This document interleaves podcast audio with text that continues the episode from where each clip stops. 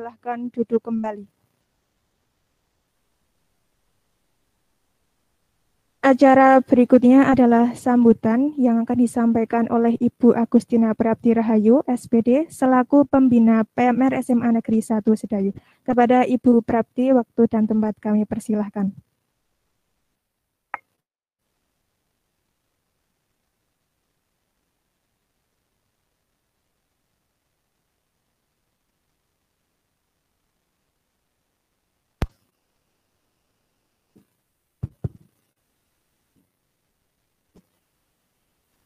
Terima kasih kepada pembawa acara yang sudah memberikan waktu dan kesempatan pada saya untuk sedikit menyampaikan sepatah dua kata. Yang terhormat Bapak Subarino PSD selaku Kepala Sekolah SMA Negeri 1 Stayu. Yang saya hormati Bapak Muhammad Irfai selaku Buaka Keseswaan dari SMA Negeri 1 Stayu Ibu narasumber dari Puskesmas Sedayu 1 dan yang saya hormati pula Bapak Ibu Pembina OSIS atau Keseswaan Pembina Keseswaan dari SMA Negeri 1 Sedayu. Selamat siang, salam sejahtera bagi kita semua. Di hari yang cukup gerah ini ya, karena memang suasananya agak mendung, marilah kita bersama-sama mengucapkan syukur kehadirat Yang Maha Esa karena berkat rahmat dan limpah, limpahan berkatnya kita bisa berkumpul di sini dalam kondisi sehat walafiat.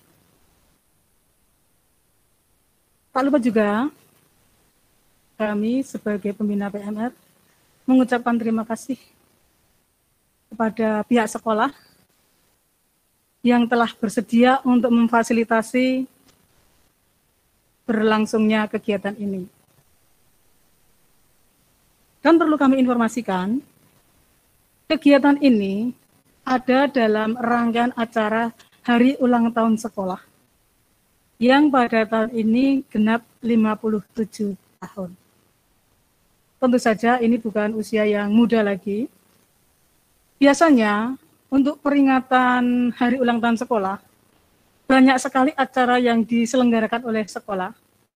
Tetapi berhubung dalam situasi pandemi, maka sekolah OSIS ya, terutama karena biasanya yang menyelenggarakan kegiatan itu adalah OSIS, tidak bisa menyelenggarakan berbagai macam kegiatan seperti pada biasanya. Hal ini bukan karena OSIS-nya yang tidak kreatif, atau pengurus OSIS-nya yang kurang gaul atau bagaimana tidak, tetapi ini untuk kebaikan kita semua. Jadi, acara peringatan hari ulang tahun sekolah untuk tahun ini kita laksanakan secara sederhana. Uh, kita pilih acara-acara yang memungkinkan untuk diadakan untuk mengurangi penularan virus COVID-19. Jadi ini mengapa hari ini acaranya adalah webinar. Itu salah satu alasannya adalah itu. Lalu untuk alasan pemilihan tema, mengapa kita memilih tema Healthy Life during pandemic? Karena kita masih dalam situasi pandemi.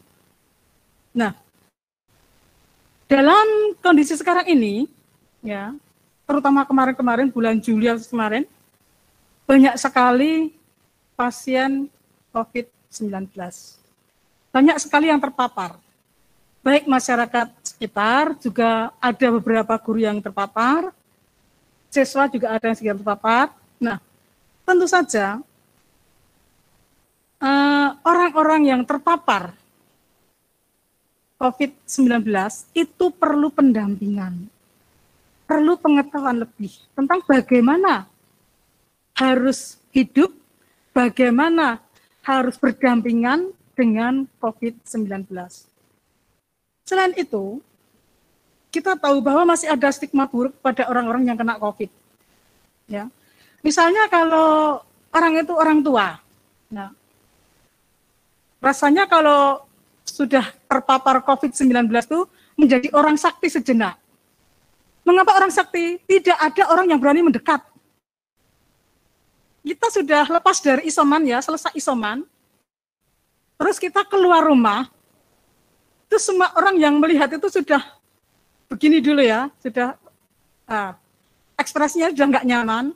Terus ya memang kita harus jaga jarak, tapi kan jaga jaraknya itu beda gitu loh, kesannya itu. Ya. Itu jadi yang perlu pendampingan tidak hanya pasien yang harus tahu bagaimana harus harus menangani, harus hidup dengan kondisi terpapar COVID-19, tetapi juga para penyintas. Karena memang itu tadi adanya stigma yang buruk tadi membuat para penyintas itu merasa, ah saya kok dikucilkan ya, kok rasanya kok berbeda ya tanggapannya dengan saya, nah itu. Jadi ini alasannya mengapa kami memilih tema. Dan saya kira untuk tema ini belum terlalu ini ya, maksudnya masih masih ini masih hangat untuk dibicarakan. Belum terlalu basi karena kita memang masih dalam suasana pandemi Covid.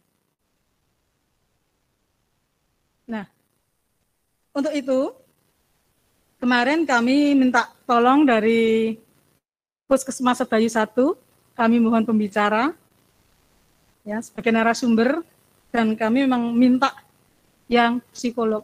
Sesuai maksud saya itu kan pas begitu ya untuk pendampingan itu. Dan yang satu lagi dari PMI, PMI Yogyakarta ya nak ya? Iya. Kami ucapkan terima kasih sekali lagi atas kesediaan para narasumber yang kersa ya bersusah payah sini untuk menyampaikan itu semua supaya uh, bagi semua pasien yang sekarang baru terpapar atau para penyintas bisa lebih nyaman dalam menghadapi hidup pasca terkena COVID-19. Dan nanti kami mohon dengan hormat untuk Bapak Kepala Sekolah berkenan untuk membuka acara ini selepas saya menyampaikan sedikit alasan ini. Saya kira untuk mengefektifkan waktu, dari saya, saya cukupkan sekian. Mohon maaf jika ada beberapa salah kata. Untuk berikutnya, waktu saya kembalikan kepada pembawa acara. Selamat siang, terima kasih.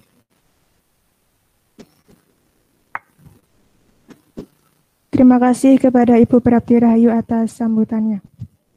Acara selanjutnya yaitu sambutan sekaligus pembukaan acara sumunar dari Bapak Kepala SMA Negeri 1 Sedayu kepada Bapak Subarino PhD waktu dan tempat kami persilahkan.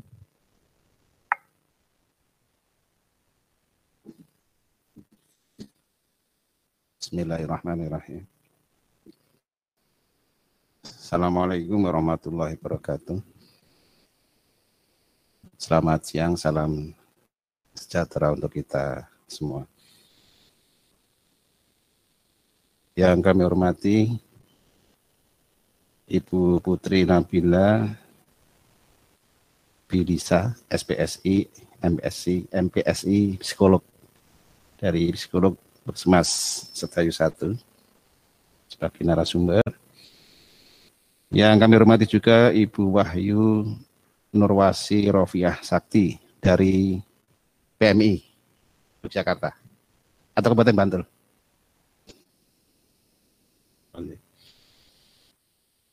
Yang kami hormati juga Bapak Ibu Wakil Kepala Sekolah yang hadir, Bapak Ibu Pembina OSIS, Bapak Ibu guru dan karyawan, serta para siswa PMR yang saya banggakan juga para penonton, para siswa, khususnya yang ada di rumah yang melalui Google Meet. Zoom meeting atau Google Meet? Google Meet ya. Dan juga para penonton channel Lokagana TV, SMA Negeri 1 Sedayu. Pertama dan utama, mari kita senantiasa memanjatkan puji syukur pada Allah SWT atas liman rahmat dan karunia-Nya sehingga pada siang ini atas liman rahmatnya kita bisa melaksanakan webinar Sumunar yang pertama. Sedayu Muda Webinar dalam rangka ulang tahun SMA Negeri 1 Sedayu dan juga Hari Palang Merah Indonesia. Terima kasih pada narasumber yang telah meluangkan waktu untuk memberikan motivasi, memberikan pencerahan, juga literasi. Ini termasuk literasi juga di bidang kesehatan. Dan tepatnya juga di perpustakaan. Alhamdulillah kita berkat dukungan semua pihak yang tidak bisa kita sebut satu persatu, kita berhasil juara dua tingkat nasional untuk lomba perpustakaan sekolah menengah. Kita beri tepuk tangan untuk kita semua. Terima kasih. Bapak Ibu sekali lagi lomba boleh berakhir, tetapi kegiatan literasi tetap kita laksanakan sampai kapan pun. Walaupun saat ini masih pandemi, tetap kita laksanakan melalui media-media digital yang kita punyai dan kita laksanakan ini. Dan kita tidak tahu sampai kapan pandemi ini kan berakhir. Walaupun sekarang turun level dari level 4 di khususnya ke level 3. Dan Pak Presiden juga menyampaikan kita akan nanti akan endemi. Artinya berdampingan selamanya dengan virus COVID-19 ini. Nah tentunya kita perlu eh, bagaimana beradaptasi, bagaimana kita strateginya, baik secara fisik maupun secara psikologi. Saya yakin anak-anak yang belajar di rumah itu sekarang bosan sekali. Saya yakin bosan. Kadang timbul masalah dengan orang tua, konflik.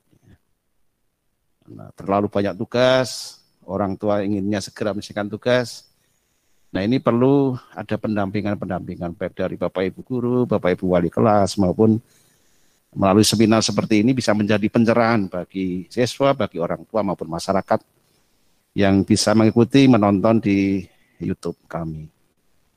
Kami sadar bahwasanya yang namanya kegiatan ini tentunya pasti akan menimbulkan yang kita harapkan adalah yang positif.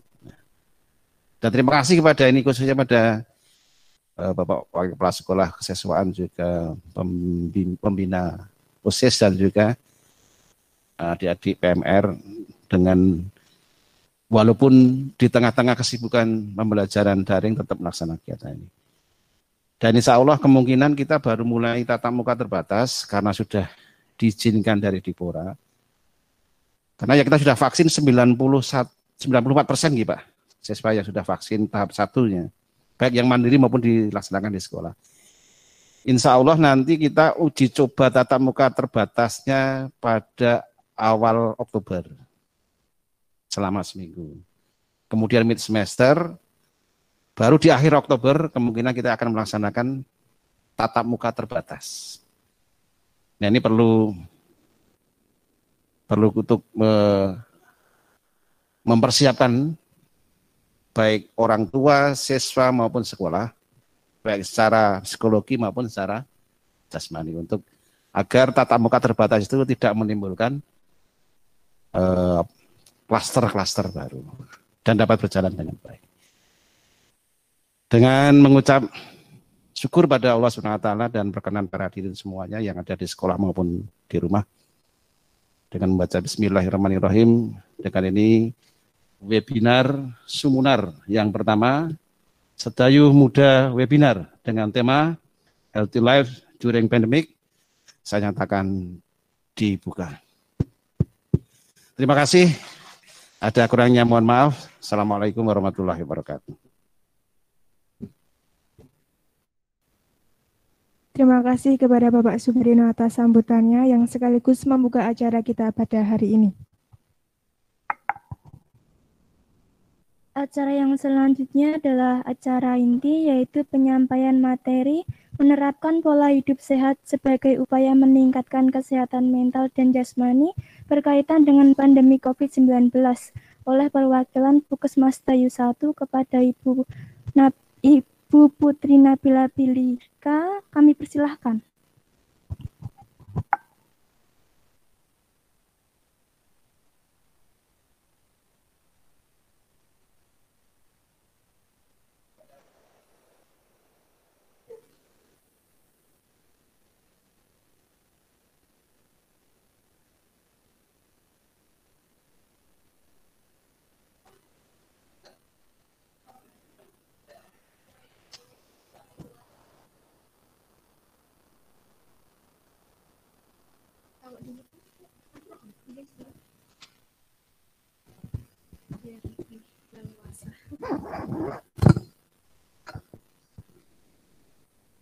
Ya.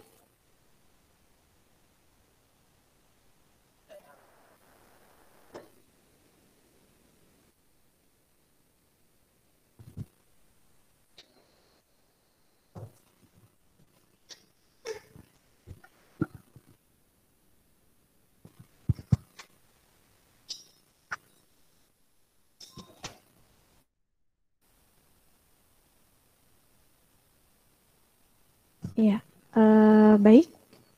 Bisa saya mulai ya? Oke. Assalamualaikum warahmatullahi wabarakatuh. Oke, uh, senang sekali saya bisa bergabung bersama uh, Bapak Ibu semua kepala uh, keluarga besar uh, SMA Negeri 1 Sedayu dan juga teman-teman ya, adik-adik uh, yang mungkin tidak bisa semuanya hadir di sini ya, hadir secara secara langsung tapi mungkin sudah bergabung semuanya di virtual ya. Walaupun kita pada siang hari ini bertemunya melalui virtual tapi mudah-mudahan pesan atau apa yang ingin saya sampaikan atau energi positif yang akan saya bagikan kepada teman-teman bisa tersampaikan dengan baik ya. Oke. Okay.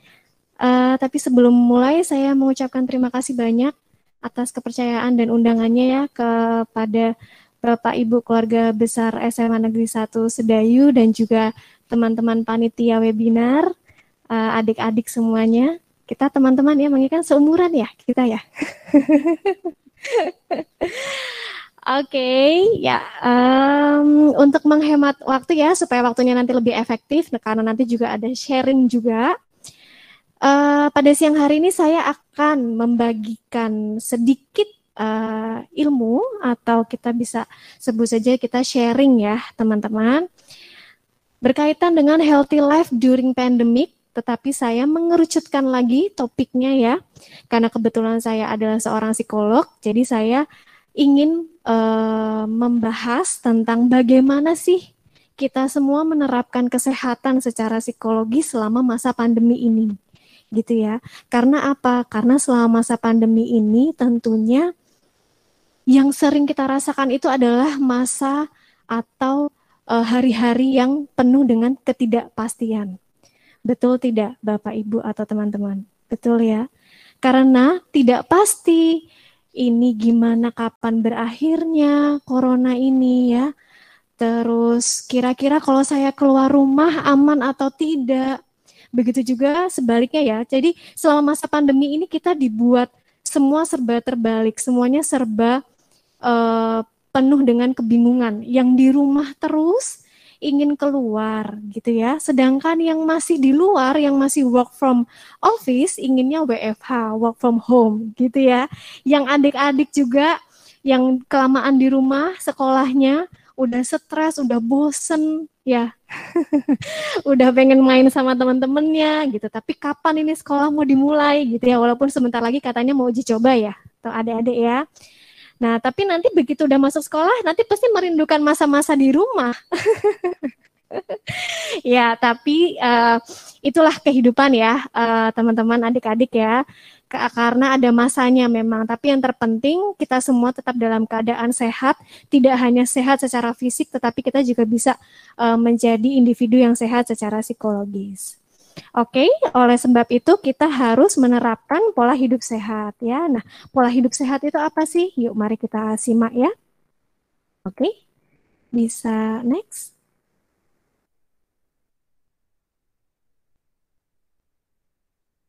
Ya, ini ya eh, teman-teman. Uh, Coba kita pahami dulu sebenarnya pola hidup sehat itu apa sih gitu ya. Jadi kita tidak hanya tahu sekedar ah, aku mau pola hidup sehat, aku mau mulai sekarang aku komitmen mau gaya hidup sehat, tapi sebenarnya tidak atau belum tahu esensi dari pola hidup sehat itu apa sih ya. Nah, ini saya mengutip dari WHO atau World Health Organization. Pola hidup sehat itu sebenarnya adalah suatu keadaan mental, fisik maupun kesejahteraan sosial bukan hanya pada ketiadaan penyakit pada seluruh manusia, tetapi lebih kepada upaya atau cara hidup yang dapat menurunkan resiko terjadinya penyakit ya.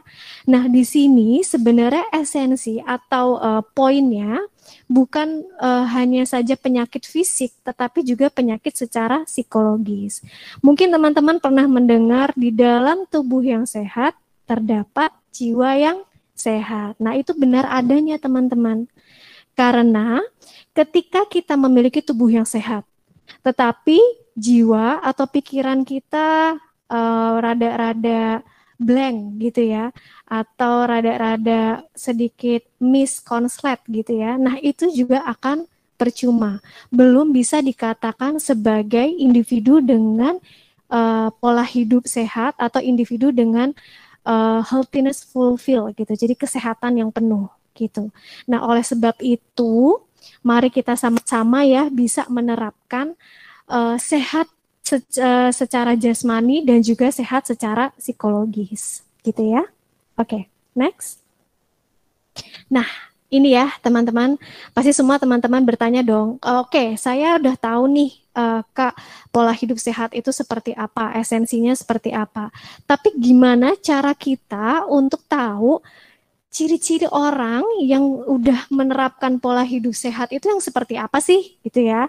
Oke, yang pertama ketika seseorang sudah bisa menerapkan pola hidup sehat, maka ia lebih cenderung memiliki energi yang cukup untuk melakukan aktivitas yang produktif.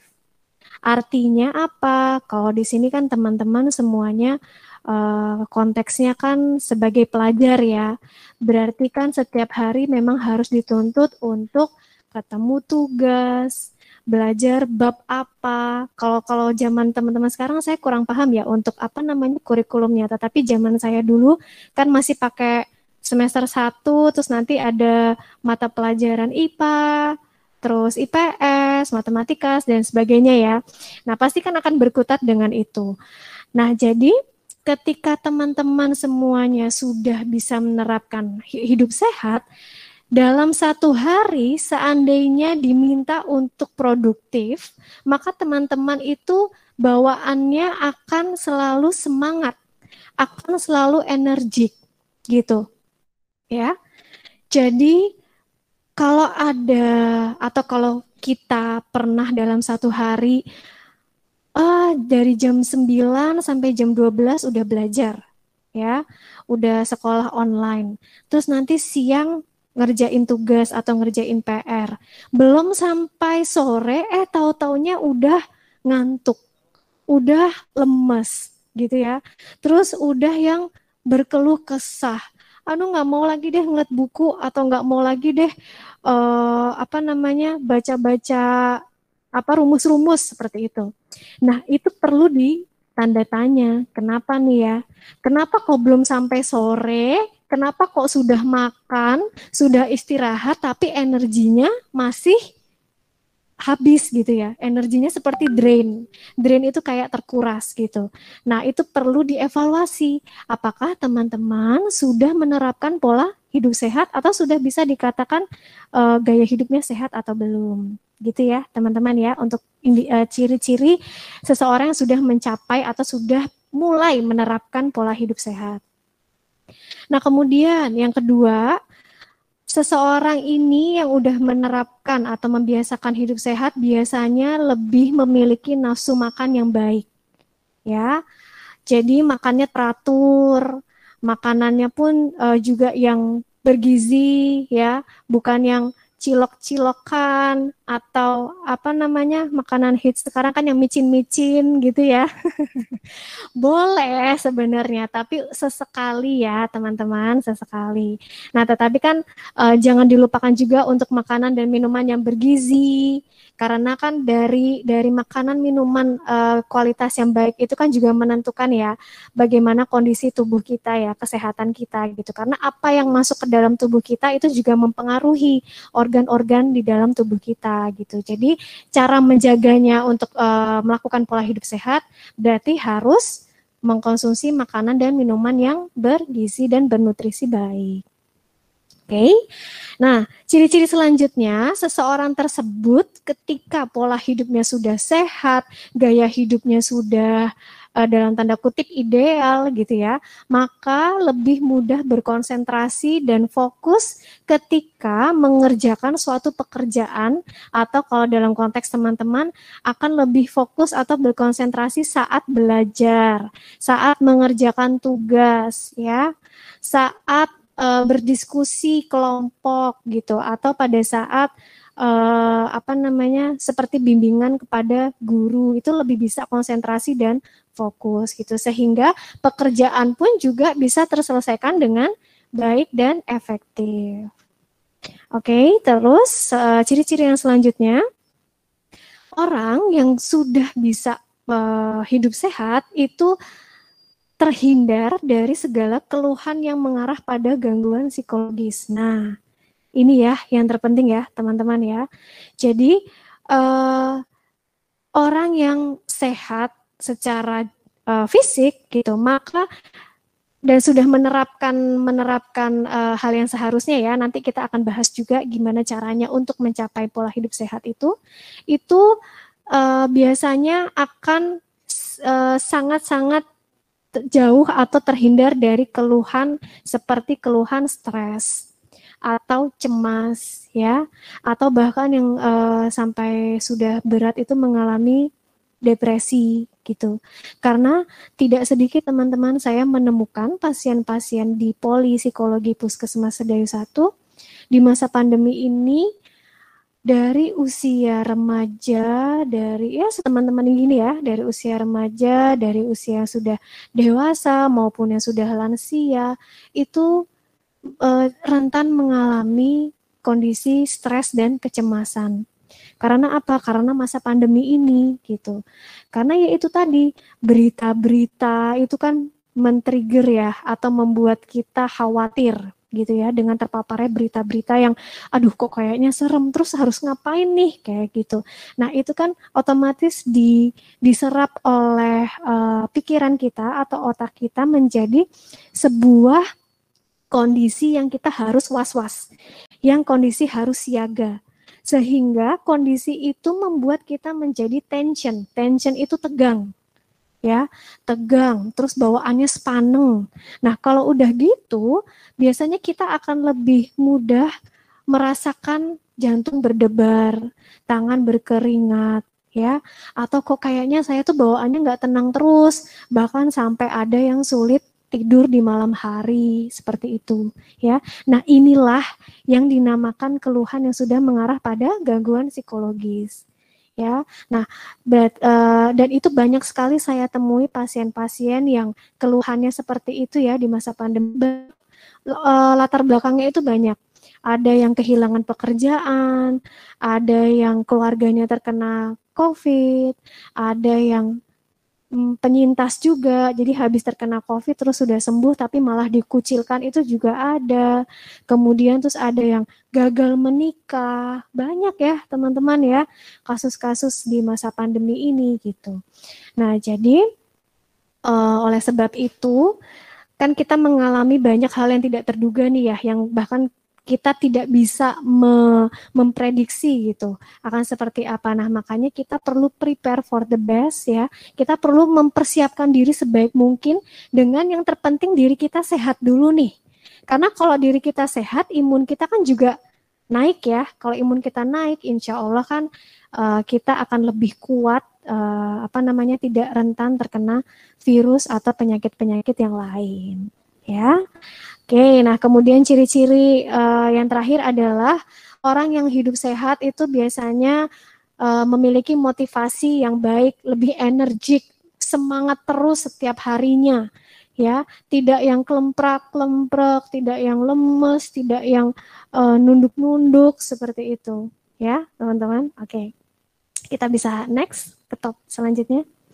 Nah ini ya yang perlu diperhatikan apa yang terjadi apabila kita semua tidak berhasil menerapkan pola hidup sehat? Yang pertama tentu dong kita tahu kita bakal rentan terkena penyakit fisik terus kesehatan kita menjadi kurang maksimal ya. Karena apa? Kalau kita tidak menjaga makanan kita, tidak menjaga minuman yang kita minum, atau kita kurang istirahat, atau kita tidak memfilter informasi-informasi yang mungkin sebenarnya itu memiliki dampak negatif untuk diri kita, maka kita akan lebih mudah sakit-sakitan ya. Terus uh, ada istilahnya dalam psikologi itu namanya psikosomatis.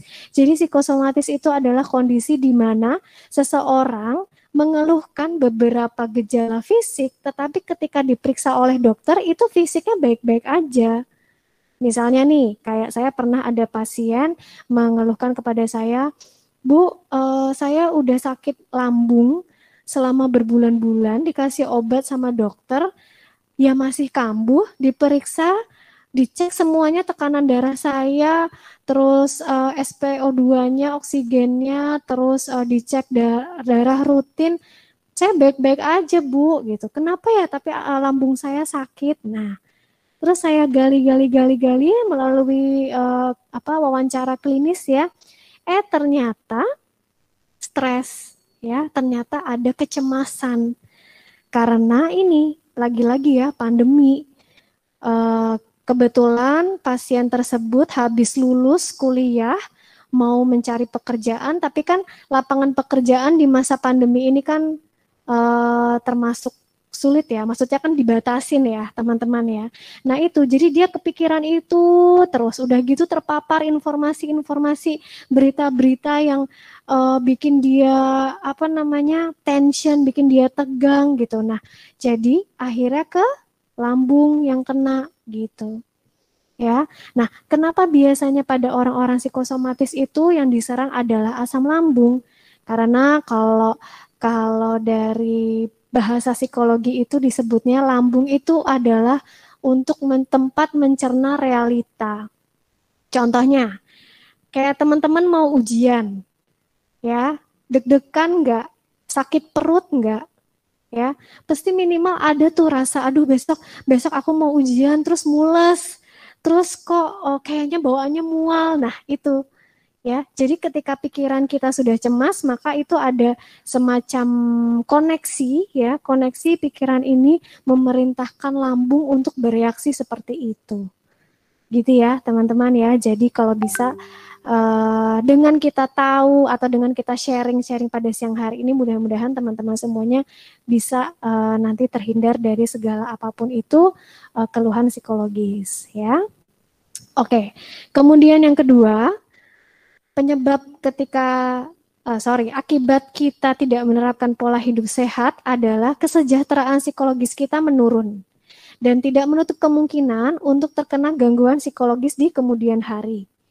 Ya, nah ini berkaitan dengan seseorang yang sukanya bad mood, nggak ada angin, nggak ada hujan, nggak ada alasan apa pun itu tiba-tiba bad mood. Hayo siapa di sini yang suka bad mood tiba-tiba? biasanya yang cewek-cewek tuh yang suka bad mood tiba-tiba ya bete tiba-tiba bete bete bete uh, tiba-tiba sensitif. Terus ada istilahnya senggol bacok gitu ya. Nah itu perlu dievaluasi kira-kira dia udah menerapkan pola hidup sehat atau belum ya. Biasanya sih belum kalau yang seperti itu.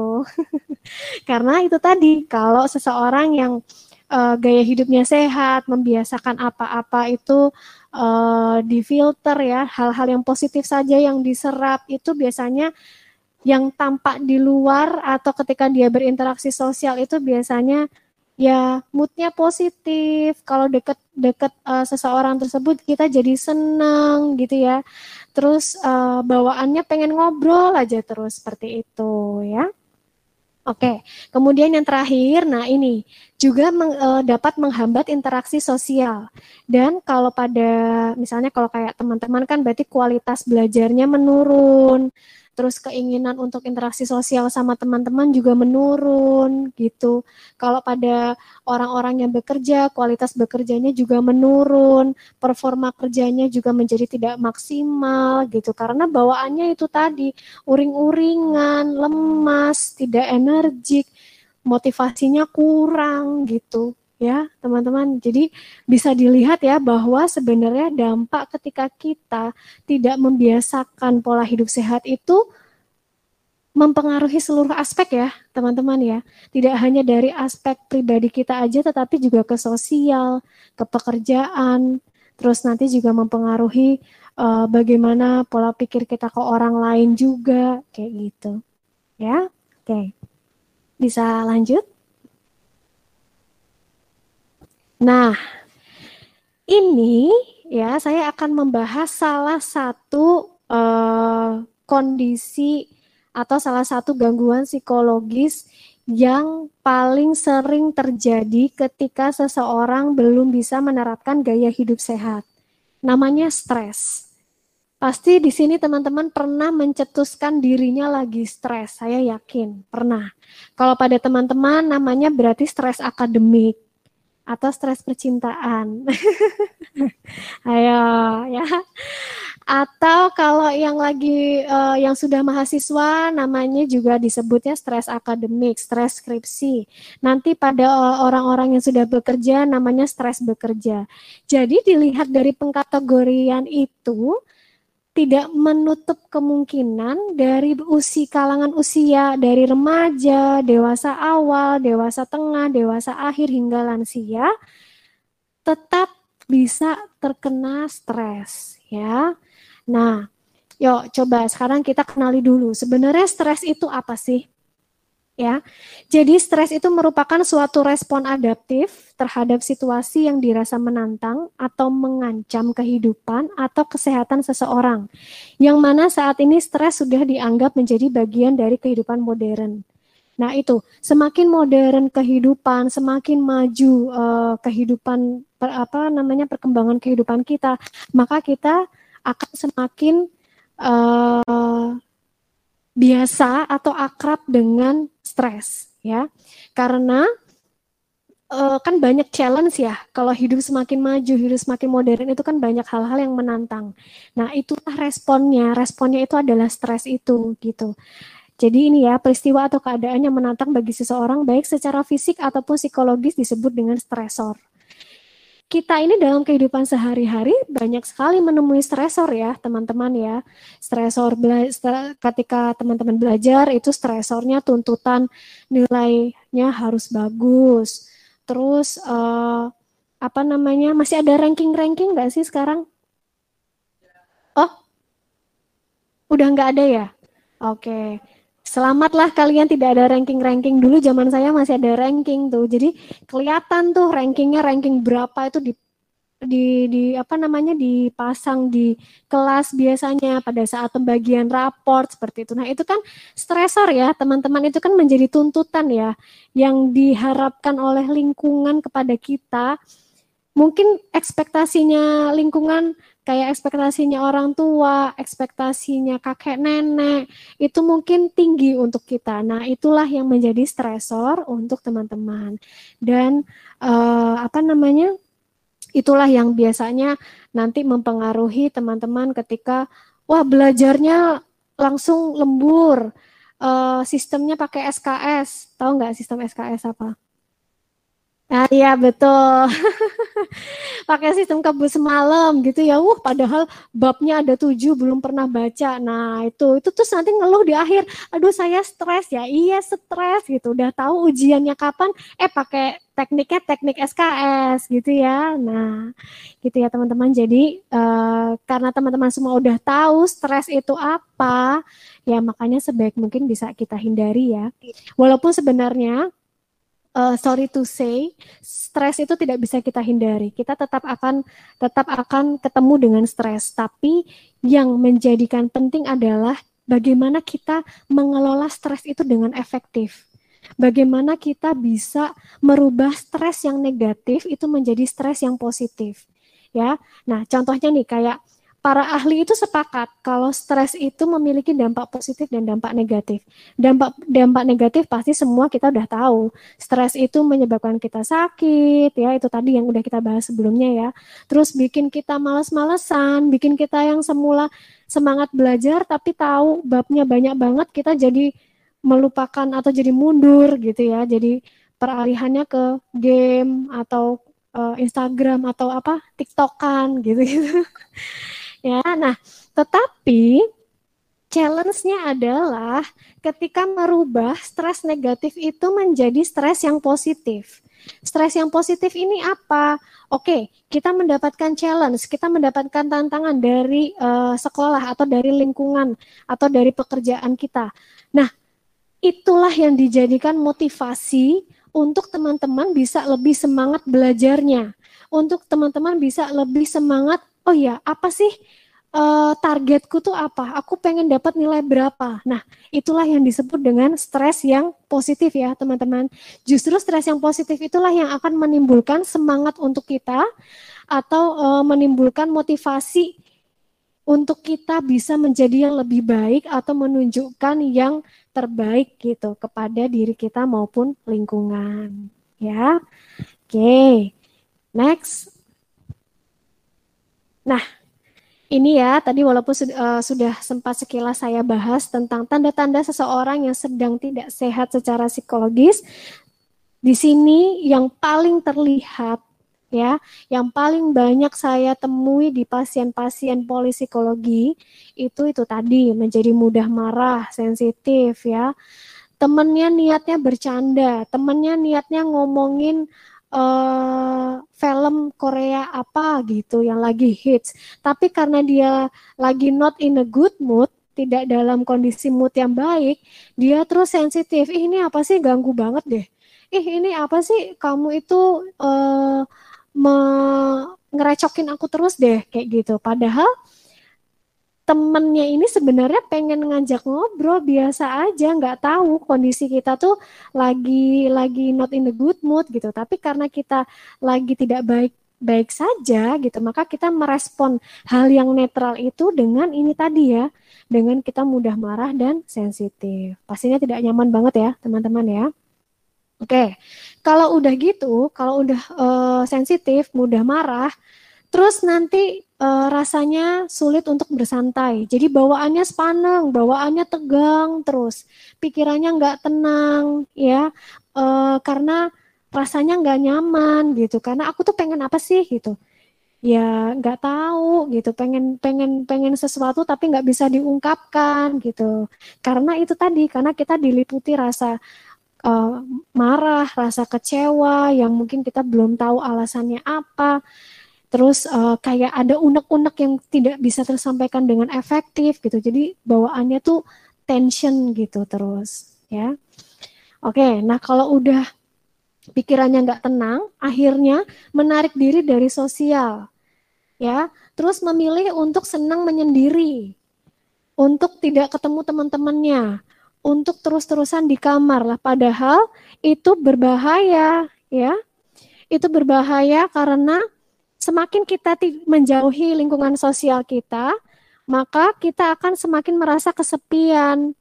Terus kalau udah kita merasa kesepian, nanti mulai muncul tuh pikiran-pikiran negatif, pikiran-pikiran yang tidak-tidak. Nah, itu berbahaya lagi ya, teman-teman. Oke, sehingga nah itu yang poin negatif thinking ya. Kalau udah gitu, terus rasanya badan ini mudah lelah, mudah sakit karena kita jadi nggak nafsu makan, ya. Kita bawaannya pengennya nangis terus di kamar terus atau dengerin lagu-lagu yang melo-melo, nangis-nangis, temen-temen yang ngajakin jalan nggak mau. Wah, itu udah tanda-tanda sebenarnya, sudah alarm ya. Nah, sehingga setelah itu terus muncullah keluhan-keluhan psikologis. Oke, okay, next. Nah, Kenapa sih itu bisa terjadi ya dan apa dampaknya? Nah, sekali lagi saya tekankan bahwa ini perlu uh, atau ayolah sama-sama kita evaluasi diri sendiri ya. Kita sama-sama evaluasi uh, kok akhir-akhir ini aku lebih sering bad mood atau akhir-akhir ini menjadi nggak semangat. Nah itu kenapa? Nah coba yuk kita evaluasi dulu. Kira-kira ada atau enggak beban tugas atau tuntutan lingkungan yang terlalu tinggi yang kita dapatkan ya. Misalnya nih kayak itu tadi kita targetnya mungkin terlalu ketinggian untuk ujian. Jadi kita kayak lupa sama batasan diri kita sendiri. Nah, itulah yang bikin kita uh, udah mulai tegang terus bawaannya. Kita kayaknya jadi orang yang kaku gitu. Nah, terus juga uh, berkaitan dengan situasi yang tidak pasti, masa pandemi ya tadi itu masa yang penuh dengan ketidakpastian, berita-berita yang menakutkan, berita-berita yang nggak tahu simpang siur sana sini. Terus mungkin kalau misalnya di grup WhatsApp, grup WhatsApp keluarga nanti biasanya di share apa gitu ya, nggak uh, belum belum tentu juga kebenaran berita tersebut gitu. Nah itulah yang sudah uh, menimbulkan tension sedikit pada diri kita. Kemudian didukung dengan faktor internal seseorang tersebut. Misalnya, bagaimana pola hidupnya itu tadi. Ketika dia udah ada tension sedikit, pola hidupnya tidak sehat, terus punya tipe kepribadian yang gampang stres. Nah, itu sudah mendukung ya untuk mengalami atau tanda-tanda yang uh, mengarah pada gangguan psikologis. Terus udah gitu didukung oleh faktor eksternal seperti support keluarga, teman dan lingkungan sosialnya tidak ada. Ya, atau mungkin dia um, berada dalam keluarga yang yang pola asuhnya kurang hangat seperti itu. Ya. Nah, jadi wajar maka akan uh, hal-hal itulah faktor-faktor itulah yang mendukung seseorang tersebut muncul uh, atau mulai terasa gejala yang mengarah pada gangguan psikologis. Sehingga dampaknya itu tadi lagi-lagi kepada performa seseorang yang menurun, menjadi kurang maksimal, terus uh, jadi tidak tidak bisa menempatkan diri dengan uh, tepat ya, susah beradaptasi seperti itu dampaknya. Oke. Okay? Ya, nah terus kita harus apa sih untuk bisa terhindar dari semua ini? Oke, saya selanjutnya punya tips sepertinya. Oke, boleh lanjut? Nah, saya akan membagikan tips untuk eh, teman-teman uh, semua bisa diterapkan atau bisa dibiasakan uh, sehingga bisa meningkatkan kesehatan psikologi selama kita struggling atau berjuang di masa pandemi ini. Next. Oke. Okay. What can we do is yang pertama do positive things ya. Teman-teman uh, kalau ada waktu, kalau belajarnya udah selesai, tugasnya semua udah dilakukan, boleh kok menyempatkan waktu sedikit atau sebentar atau berapa jam senyamannya untuk melakukan aktivitas yang bersifat positif ya, yang rasanya menyenangkan tetapi juga tetap produktif. Misalnya itu kayak olah uh, olahraga nanti ada sendiri. Misalnya kayak uh, ikut ibu belanja ke supermarket atau memasak ya atau uh, berkebun atau misalnya melakukan suatu hobi yang di, yang sekiranya teman-teman bisa meningkatkan mood yang uh, positif ya. Kemudian yang kedua, kita bisa melakukan self compliment. Self compliment ini dalam bahasa psikologinya uh, lebih kepada semacam kayak memuji diri sendiri ya ini penting loh teman-teman ya. Jadi kita boleh kok sesekali memuji diri sendiri. Misalnya nih kayak oh ternyata hari ini aku cantik ya. aku pakai pakai jilbab ini atau rambutku di di curly atau dilurusin. Oh, cantik sekali seperti itu ya.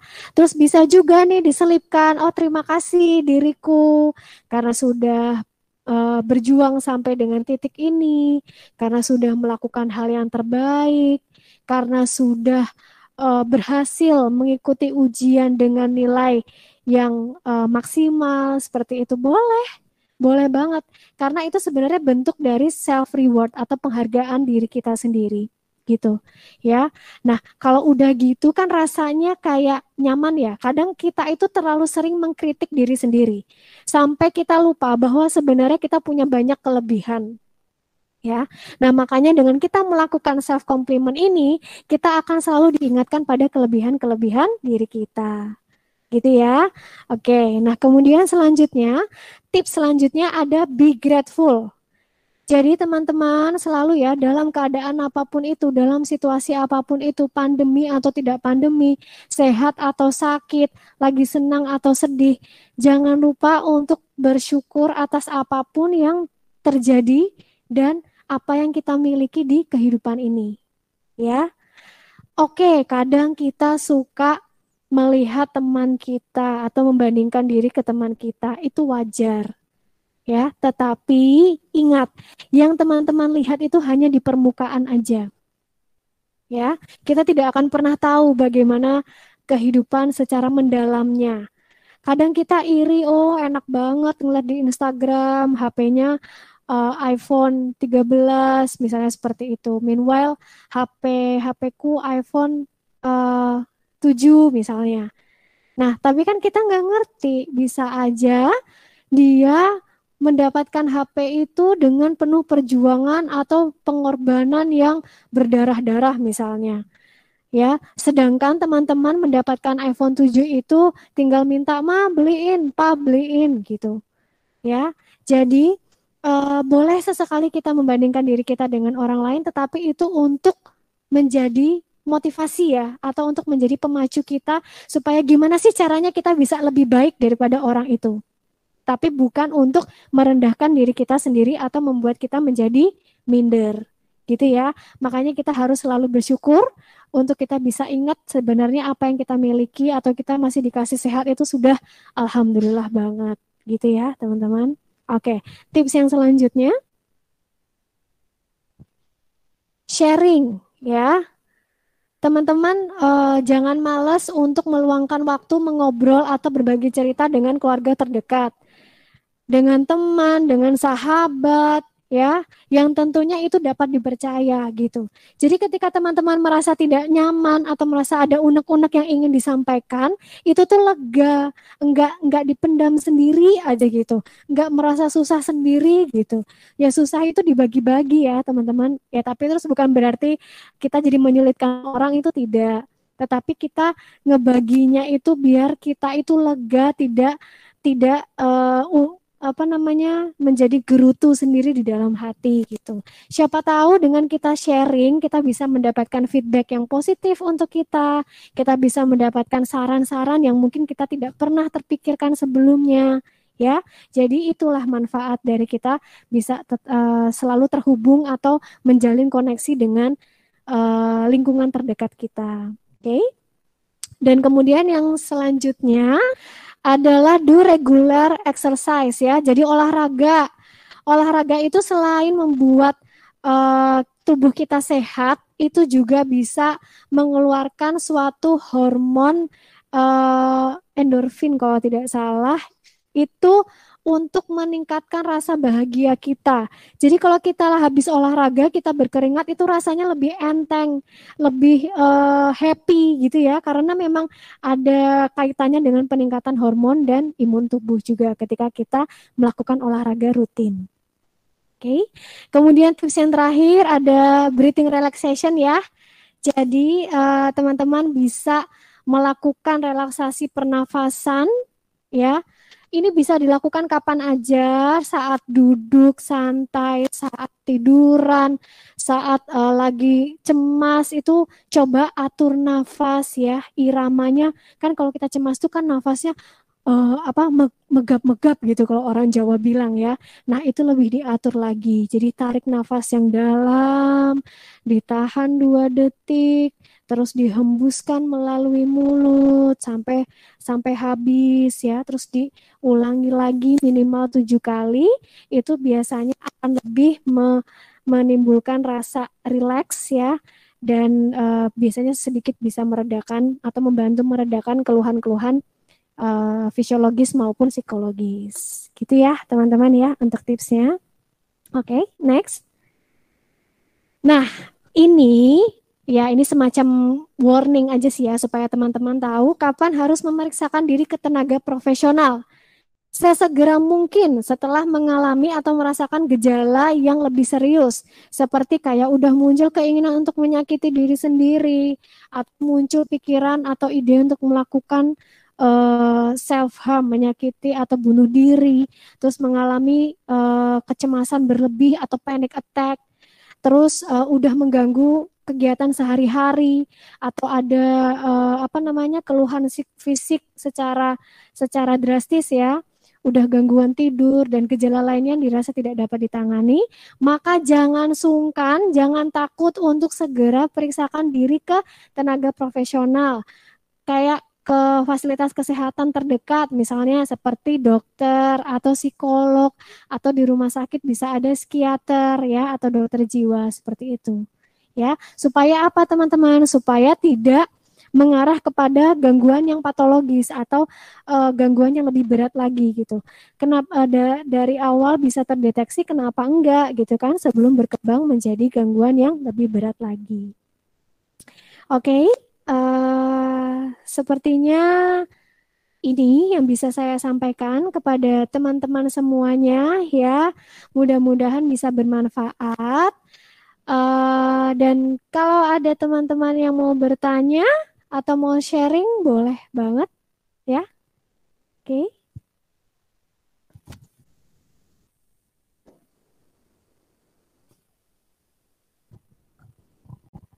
Memasuki sesi tanya jawab, kami memberikan waktu selama 15 menit kepada para peserta webinar yang mungkin memiliki beberapa pertanyaan untuk diajukan. Kami berikan kesempatan maksimal tiga pertanyaan untuk tiga penanya pertama.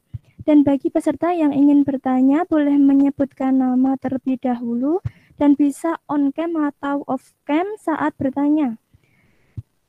Silakan untuk menghidupkan mikrofonnya bagi peserta yang ingin bertanya kepada narasumber kita hari ini.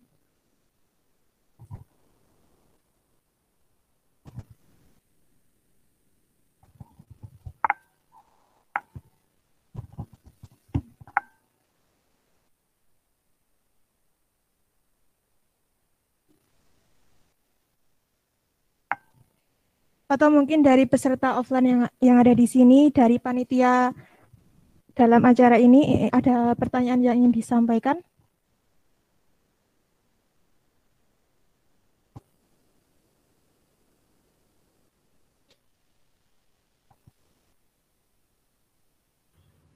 Halo. Uh, saya Tevi Laulan dari kelas 12 MIPA 4 bisa bertanya.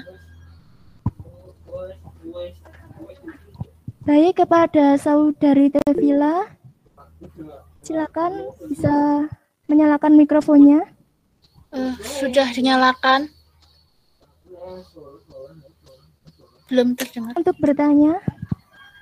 Uh, sudah mic-nya sudah dinyalakan ya? Masih belum terdengar bertanya. Oh iya, uh, apakah burn burnout itu termasuk dalam masalah psikologi? Oke, okay. terima kasih. Tadi siapa yang bertanya? Ta... Tevila Wulandari. Tevila Wulandari. Oke, okay. terima kasih atas pertanyaannya Tevila Wulandari. Ya, pertanyaannya sangat bagus ya. Apakah burnout itu termasuk gangguan psikologi? Oke, jadi burnout itu lebih biasanya lebih dirasakan kepada seseorang yang sudah sangat berlebihan ketika melakukan suatu aktivitas atau pekerjaan dalam rentang waktu tertentu ya. Nah, itu ciri-cirinya sebenarnya juga hampir sama dengan uh, stres kerja ya atau stres akademik gitu. Tapi lebih kepada kondisi yang benar-benar sudah kelelahan kelelahan secara fisik dan secara psikologis. Nah, tetapi kalau ditanya apakah itu gangguan psikologis, ya, kalau gangguan psikologis itu uh, jadi kalau psikolog, dokter jiwa itu memiliki seperti kitab kita pedoman gangguan jiwa ya.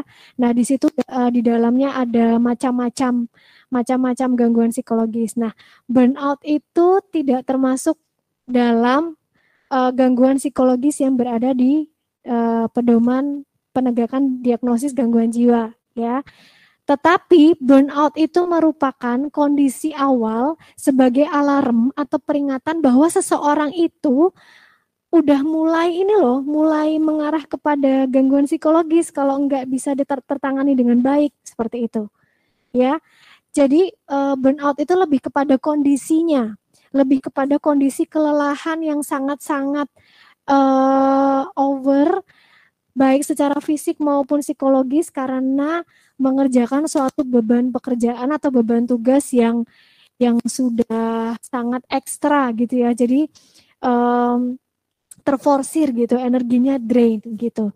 Nah, tetapi tidak menutup kemungkinan seseorang yang terkena burnout ketika tidak tertangani dengan baik, ya, maka dia juga bisa terkena gangguan psikologis walaupun itu derajatnya masih ringan gitu. Tetapi kan semua itu kan perlu perlu ada asesmen tersendiri ya, ada asesmen psikologis sendiri untuk bisa penegakan diagnosisnya apa dan menentukan uh, terapi yang tepat apa untuk mengatasi kondisi uh, atau keluhan tertentu dari pasien.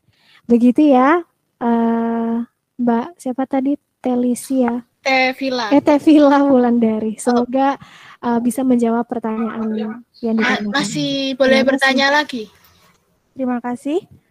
Uh, untuk pertanyaan yang kedua mungkin ada dari peserta offline dari panitia. Ada yang ingin mewakili bertanya? Oh iya, saya dulu ya. Baiklah, terima kasih yang uh, atas waktu yang diberikan kepada saya. Di sini saya mau bertanya tapi mau sharing terlebih dahulu. Oke, boleh. Ya, jadi uh, apa yang saya rasakan itu satu bulan dua bulan terakhir itu saya merasakan gimana ya kayak ada suatu hal yang membebani dalam pikiran saya. Terus itu memunculkan beberapa perasaan dalam diri saya. Nah, di situ saya bingung. Itu ada perasaan sedih, ya ada, perasaan bahagia juga ada. Saya tuh bingung untuk bagaimana cara mengekspresikan dari perasaan-perasaan tersebut. Jadi kayak benar-benar yang mendadak mood saya itu seperti ini, emosi saya tuh intinya uh, menjadi labil dan itu juga mengganggu uh, kinerja dalam hidup saya gitu. Nah, yang jadi pertanyaan saya, bagaimana cara mengekspresikan dari perasaan-perasaan yang ada dalam diri saya yang kayak jadi dalam diri saya itu kayak gimana pada perang tuh loh. Di perang yang ini yang mau saya uh, ekspresikan tuh perasaan sedihnya atau bahagianya atau seperti apa gitu. Jadi kayak bener-bener yang emosinya itu jadi naik turun. Nah, terus juga disebut apa? uh, kondisi yang saya alami. Ya, terima kasih. Ya, oke. Okay. Dengan siapa namanya tadi? Iya, belum perkenalan nama saya Bakir Agel Kusuma Raja. Panggilannya? Agel. Agel. Iya. Yeah. Oke, okay. terima kasih Agel atas pertanyaannya yeah. ya. Oke. Okay. Uh, eh, jadi dari keluhan yang disampaikan oleh Agel tadi itu sebenarnya kondisinya disebut dengan adanya konflik internal ya.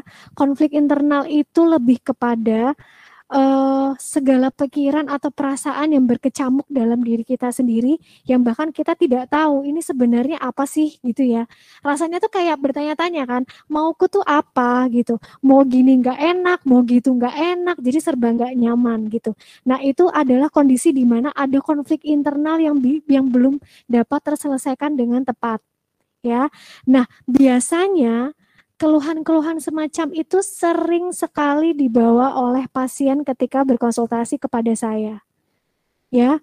Nah, nanti itu ketika melakukan konseling atau terapi psikologis, maka saya biasanya akan membantu pasien untuk mengidentifikasi atau mengulur sebenarnya ini root cause atau akar permasalahannya itu apa sih?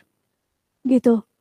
Karena kenapa? Kenapa uh, Agel sampai sekarang belum bisa menemukan saya ini uh, apa ya uh, caranya gimana yang tepat gitu? Karena masih seperti benang bundet Bunang bundet itu kita bisa gulung lagi atau mau kita taruh di tempat atau mau kita bikin jadi baju atau mau apa itu kan harus kita ulur dulu toh. Nah, gitu ya. Jadi uh, mungkin bisa dicoba untuk melakukan konseling ya supaya dibantu oleh psikolog mengulur sebenarnya mengulur satu-satu tuh pikiran negatifnya apa kena uh, disebutin satu dua tiga ah sebanyak banyaknya pokoknya keluarin pikiran negatifnya apa. Terus dari pikiran negatif itu perasaan negatif yang muncul apa-apa aja. Kemudian perilaku yang muncul apa-apa aja karena kalau dalam teori kognitif behavioral dalam salah satu teori psikologi pikiran perasaan dan perilaku itu menjadi satu kesatuan ketika pikiran kita masih belum bisa ter, terorganisir dengan baik, maka perasaan kita juga akan berkecamuk. Ya, perasaan kita akan ya, was-was, tidak tenang rasanya. Kemudian akhirnya perasaan ini melit, mengelit itu menuntun perilaku kita ya jadi nggak nggak nggak nggak tentu perilakunya jadi bingung mau ngapain seperti itu ya. Oke, maka uh, mungkin kondisi tersebut uh, kita anggap sebagai suatu alarm ya, suatu alarm untuk oh mungkin aku harus konsultasi sama psikolog supaya saya tahu nih benang merah atau akar masalahnya itu apa. Jadi saya bisa tahu apa yang apa yang sebaiknya terapi atau uh, kegiatan apa yang bagus atau uh, bisa untuk meredakan keluhan saya ini. Gitu ya. Gimana? Kira-kira menjawab? Iya, terima kasih dari Mbak Selin. ya. Bila udah menjawab apa yang jadi pertanyaan saya. Ya. Oke, ya. Mungkin dari peserta webinar yang lain yang ada di rumah, ada yang ingin ditanyakan kembali? Bagi yang ingin bertanya bisa menekan tombol raise hand dan menghidupkan mikrofonnya.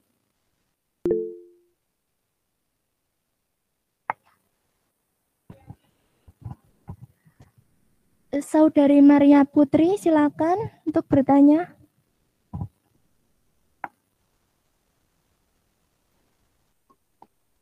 Oke, terima kasih atas waktu yang diberikan. Perkenalkan nama saya Maria Putri. Di sini saya ingin bertanya kepada Ibu. Jadi misal ada seseorang yang stres karena ada suatu masalah dan masalah ini benar-benar membuat seseorang ini down, nggak ada semangat dan dia tuh pengen sebenarnya keluar dari zona stresnya dia, tapi lingkungannya dia tidak mendukung. Apakah seseorang ini harus berusaha terus ter, terus menerus sendirian dengan diri dia sendiri atau lingkungan dia ini harus diedukasi juga. Karena menurut saya nggak mungkin gitu loh kalau ya kita berjuang sendiri. Orang-orang di sekitar kita nggak mendukung kita tuh kayak ya kita tetap nggak bakal sampai kepada titik di mana stres kita akan hilang. Begitu. Apakah pertanyaan saya jelas, Bu? Oke, iya. Terima kasih Maria atas uh, pertanyaannya, bagus sekali ya. Oke, jadi uh, yang ditanyakan Maria tadi adalah uh, ketika ada seseorang yang mengalami stres yang sudah berat ya derajatnya ya sepertinya, yang sudah uh, sekiranya butuh bantuan, tetapi uh, faktor internalnya atau keluarga terdekatnya tidak mendukung gitu. Apakah kira-kira perlu diedukasi juga? Ya. Betul sekali, kita seseorang atau pasien yang mengalami gangguan psikologis itu tidak bisa sembuh sendirian. Walaupun kunci utamanya sebenarnya lebih kepada insight. Insight itu seperti uh, apa ya? Kayak oh dia ada keinginan untuk sembuh, dia tahu harus apa. Atau ketika psikolog memberikan saran terapi, dia manut, dia mau mengikuti segala saran terapi. Artinya kan ada motivasi yang tinggi ya untuk dia sembuh. Nah, selain itu, uh, pasien tersebut tentu sangat-sangat membutuhkan dukungan dari keluarga terdekatnya. Ya. Akan percuma apabila pasien tersebut insight-nya sudah baik, motivasinya sudah tinggi, rajin ke psikologi, rajin kontrol ke psikolog, tetapi ketika pulang ke rumah malah e, masih mendapatkan penolakan, kemudian e, masih mendapatkan abuse, kekerasan secara verbal atau secara perilaku, ya terapinya akan sia-sia, ya. Sehingga terapi psikologi itu lebih kepada integrasi ya. Jadi ada kaitannya, tidak hanya pasien saja yang diterapi, tetapi keluarga juga terapi. Makanya ada yang namanya family terapi gitu. Atau ketika uh, yang yang apa namanya yang kondisinya tidak baik adalah pasiennya maka kita juga perlu melakukan psikoedukasi kepada orang terdekatnya. Siapa yang satu rumah dengan pasien tersebut atau siapa yang menjadi uh, orang kepercayaan atau orang terdekat dari pasien tersebut gitu. Jadi memang satu kesatuan Maria. Ya Oke, gimana kira-kira apakah menjawab pertanyaan yang Maria tanyakan? Iya, ya, Bu. Oke, semoga bermanfaat. Ya, terima kasih. Oke, sama-sama. Dari para panitia, mungkin ada pertanyaan yang ingin ditanyakan kepada narasumber? Uh, perkenalkan, nama saya Monika Syaran Adinda Putri saya mau menanyakan perihal pandemi daring seperti ini kan kalau kita sebagai pelajar atau mahasiswa kan pasti pembelajaran ini tatap, tatap uh, bukan tatap muka tapi online. Terus kita pasti kan banyak banget pelajaran yang susah untuk ditangkap dan itu menjadi stres untuk kita pribadi. Buat saya pribadi juga susah karena untuk memahami pembelajaran lewat dari ini sangat susah. Yang saya mau tanyakan itu bagaimana cara menjaga kesehatan pikiran saya untuk masa pandemi seperti ini? Karena sangat berpengaruh dengan pembelajaran online online. Terus saya juga bingung gitu loh kalau mau untuk menanggapi pembelajaran online online. Terus untuk kan kadang di sekolah juga ada event-event sekolah juga yang susah untuk membagi waktunya dan dan itu bisa membuat saya stres. Nah, itu gimana caranya untuk saya bisa membagi waktu atau gimana untuk kesehatan psikolog saya seperti itu. Terima kasih Bu Nabila. Oke, terima kasih Monica atas pertanyaannya. Finally kita berjumpa ya. Dari kemarin kita cecetan terus. Oke. Uh, permasalahan yang sedang Monica alami itu tidak hanya dialami oleh Monica sendiri ya. Saya beberapa kali menemui uh, pasien pelajar yang datang ke poli hanya untuk tahu gimana caranya Bu. Saya bisa nggak bosen belajar bisa menjaga saya tetap waras ketika sekolah online gitu ya. Oke nah jadi begini. Kan ini eh, teman-teman uh, itu kalau dari dulu budaya Indonesia kan memang terbiasa sekolah itu konsepnya datang ke sekolahan, berada di dalam satu ruang besar, ada teman-teman eh, berapa? Minimal 40 maha eh, 40 siswa ya biasanya ya.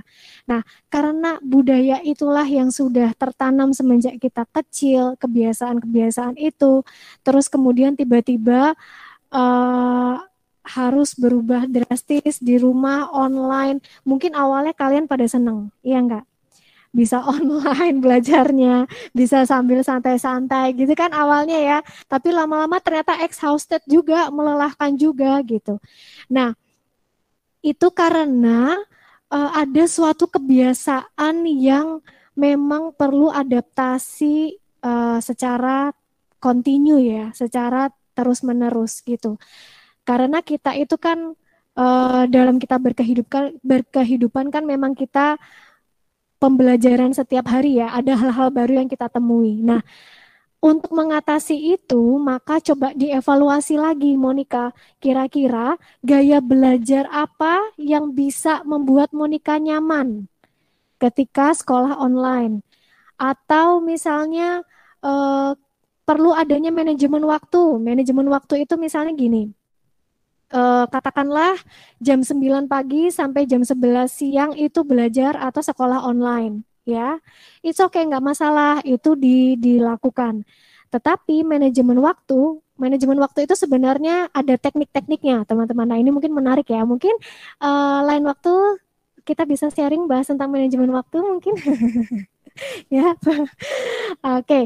jadi uh, ada teknik namanya Pomodoro style. Itu adalah teknik yang biasa digunakan di barat kalau saya tidak salah. Saya agak-agak lupa-lupa ingat. Jadi itu tekniknya seperti ini. Jam 9 sampai jam 11 sekolah online. Ya, itu berarti berapa jam? Dua jam. Setelah itu istirahat. Istirahat katakanlah sekolah lagi uh, mulai jam 1 gitu ya. Nah, uh, Monica bisa mengambil jeda istirahat yang tapi tentunya tidak uh, lebih lama daripada jam belajarnya gitu. Misalnya belajarnya jam 2, istirahatlah jam uh, istirahatlah selama 20 menit atau 30 menit. Oh sorry, uh, belajarnya 2 jam. Istirahatnya ambillah uh, 20 menit atau 30 menit. Ya, itu kan nggak terlalu nggak lebih lama dari waktu belajarnya toh. Karena apa? Karena supaya tidak malas-malasan, supaya tetap bisa menjaga semangat itu ya. Nah, ketika mengambil jeda itu, lakukanlah apa yang Monica sukai. Mau makan cemilan, mau nonton YouTube dulu, atau mau uh, apa namanya video call sebentar sama teman, boleh lakukan. Tetapi ketika sudah 30 menit, biasanya pakai alarm ya, itu harus bela kembali belajar lagi. Seperti itu ya. Nah, itu namanya manajemen waktu. Pun juga manajemen waktu harus diiringi dengan gaya belajar. Gaya belajar yang sesuai dengan Monica itu seperti apa? Misalnya uh, sesekali boleh sekolah online di di tempat lain misalnya yang uh, bisa sambil yang mungkin uh, bisa ada hawa apa hawa atau udara segar sesekali boleh dicoba seperti itu ya jadi memang kita harus pintar-pintar memodifikasi bagaimana gaya belajar kita yang tepat dan efektif ketika, eh, supaya kita terhindar dari rasa bosan atau uh, sudah menjadi tidak waras karena uh, apa online yang tidak berkesudahan seperti itu. Ya, Monika ya. Terima kasih Bu Nabila sangat menjawab buat ke depannya okay. paling saya lebih memanage waktu untuk pembelajar pembelajaran untuk event dan untuk bentar lagi kan bakal ada SBM mungkin saya lebih fokuskan ke situ. Iya. Oke. Okay. terima kasih Bu Nabila. Iya sama-sama. Semangat terus ya. Iya semangat. Saya bener-bener sama kayak Sharon juga Monica kalau emang hampir setiap hari saya malah ke sekolahan terus untuk ngurus organisasi dan sebagainya. Jadi kayak memang perlu untuk apa ya time apa uh, time management betul ke, ke dalam kehidupan sehari-hari gitu. Betul betul iya. Dan ini teman-teman uh, break ya jeda jeda sebentar dari segala aktivitas itu sangat penting. Dan jangan pernah merasa bersalah ketika teman-teman misalnya weekend nih, Sabtu Minggu aku nggak mau mikirin organisasi, PR, tugas segala macam.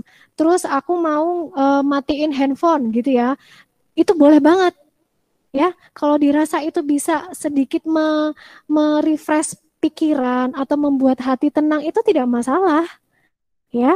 Jadi sebenarnya kuncinya apa pun itu yang mau teman-teman lakukan untuk jeda waktu, untuk refreshing, jangan pernah ada perasaan bersalah kalau itu untuk kebaikan diri teman-teman sendiri dan tidak merugikan orang lain. Itu ya, teman-teman ya, pesannya ya. Oke. Kira-kira ada lagi yang mau bertanya atau sudah cukup? Baiklah, sesi tanya jawab kita sudah cukup. Terima kasih kepada Ibu Nabil atas materinya. Boleh kita berikan tepuk tangan untuk narasumber kita yang telah memberikan banyak ilmu kepada kita hari ini.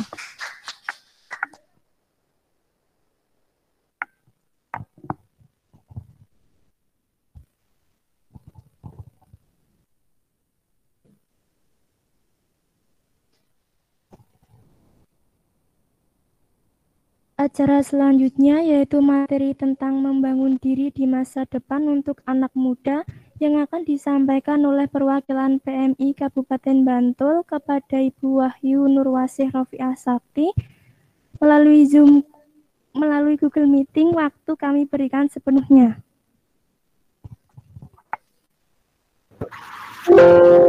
Ya, baik. Terima kasih. Selamat sore. Apakah suara saya bisa didengar dengan baik? Bisa. Ya, Alhamdulillah. Baik, selamat sore. Assalamualaikum warahmatullahi wabarakatuh. Ya, selamat sore teman-teman panitia. Selamat sore Ibu Nabila ya. Saya tadi ngikutin materinya Ibu sangat menambah wawasan juga gitu. Uh, jadi paham nih kalau uh, apa yang dirasakan seperti sekarang ini memang juga dirasakan oleh banyak orang gitu nggih. Dan kalau misalnya tidak segera mendapat penanganan, paling tidak uh, apa namanya uh, self care ya peduli diri mungkin nanti bisa menumpuk dan uh, menimbulkan dampak yang buruk. Ini juga tadi uh, saya belajar banyak nih dari Bu Nabila. Terima kasih sekali. Uh, baik, saya manggilnya apa ya teman-teman? Teman-teman aja ya, biar saya berasa lebih muda. Oke, uh, perkenalkan saya uh, Rofi, saya biasa dipanggil Rofi, tapi nama lengkap saya Wahyu Nurwasi Rofi Asakti. Saya uh, di PMI Kabupaten Bantul uh, selaku pengurus di bidang uh, sumber daya manusia dan diklat. Salah satunya membawahi untuk uh, PMR Nah, untuk uh, kali ini alhamdulillah uh, PMI Palang Merah Indonesia tahun ini atau hari ini malah ya hari ini genap usia 76 tahun dan alhamdulillah hari ini kita bisa uh, merayakan bersama meskipun hybrid ya ada yang mungkin bisa berkumpul di uh, sana langsung dan ada juga yang online. Uh, baik Eh, teman-teman uh, semuanya sesuai dengan materi yang diberikan kepada saya uh, terkait dengan membangun diri menyiapkan masa depan. Ya, uh, mungkin nanti kita akan sedikit melihat dari sisi palang merahnya, ya, uh, karena uh, saya di sini mewakili PMI, jadi bagaimana palang merah menyiapkan uh, generasi muda untuk masa depan. Gitu. Baik, uh, mungkin bisa minta tolong untuk ditampilkan slide presentasi yang tadi sudah saya kirimkan.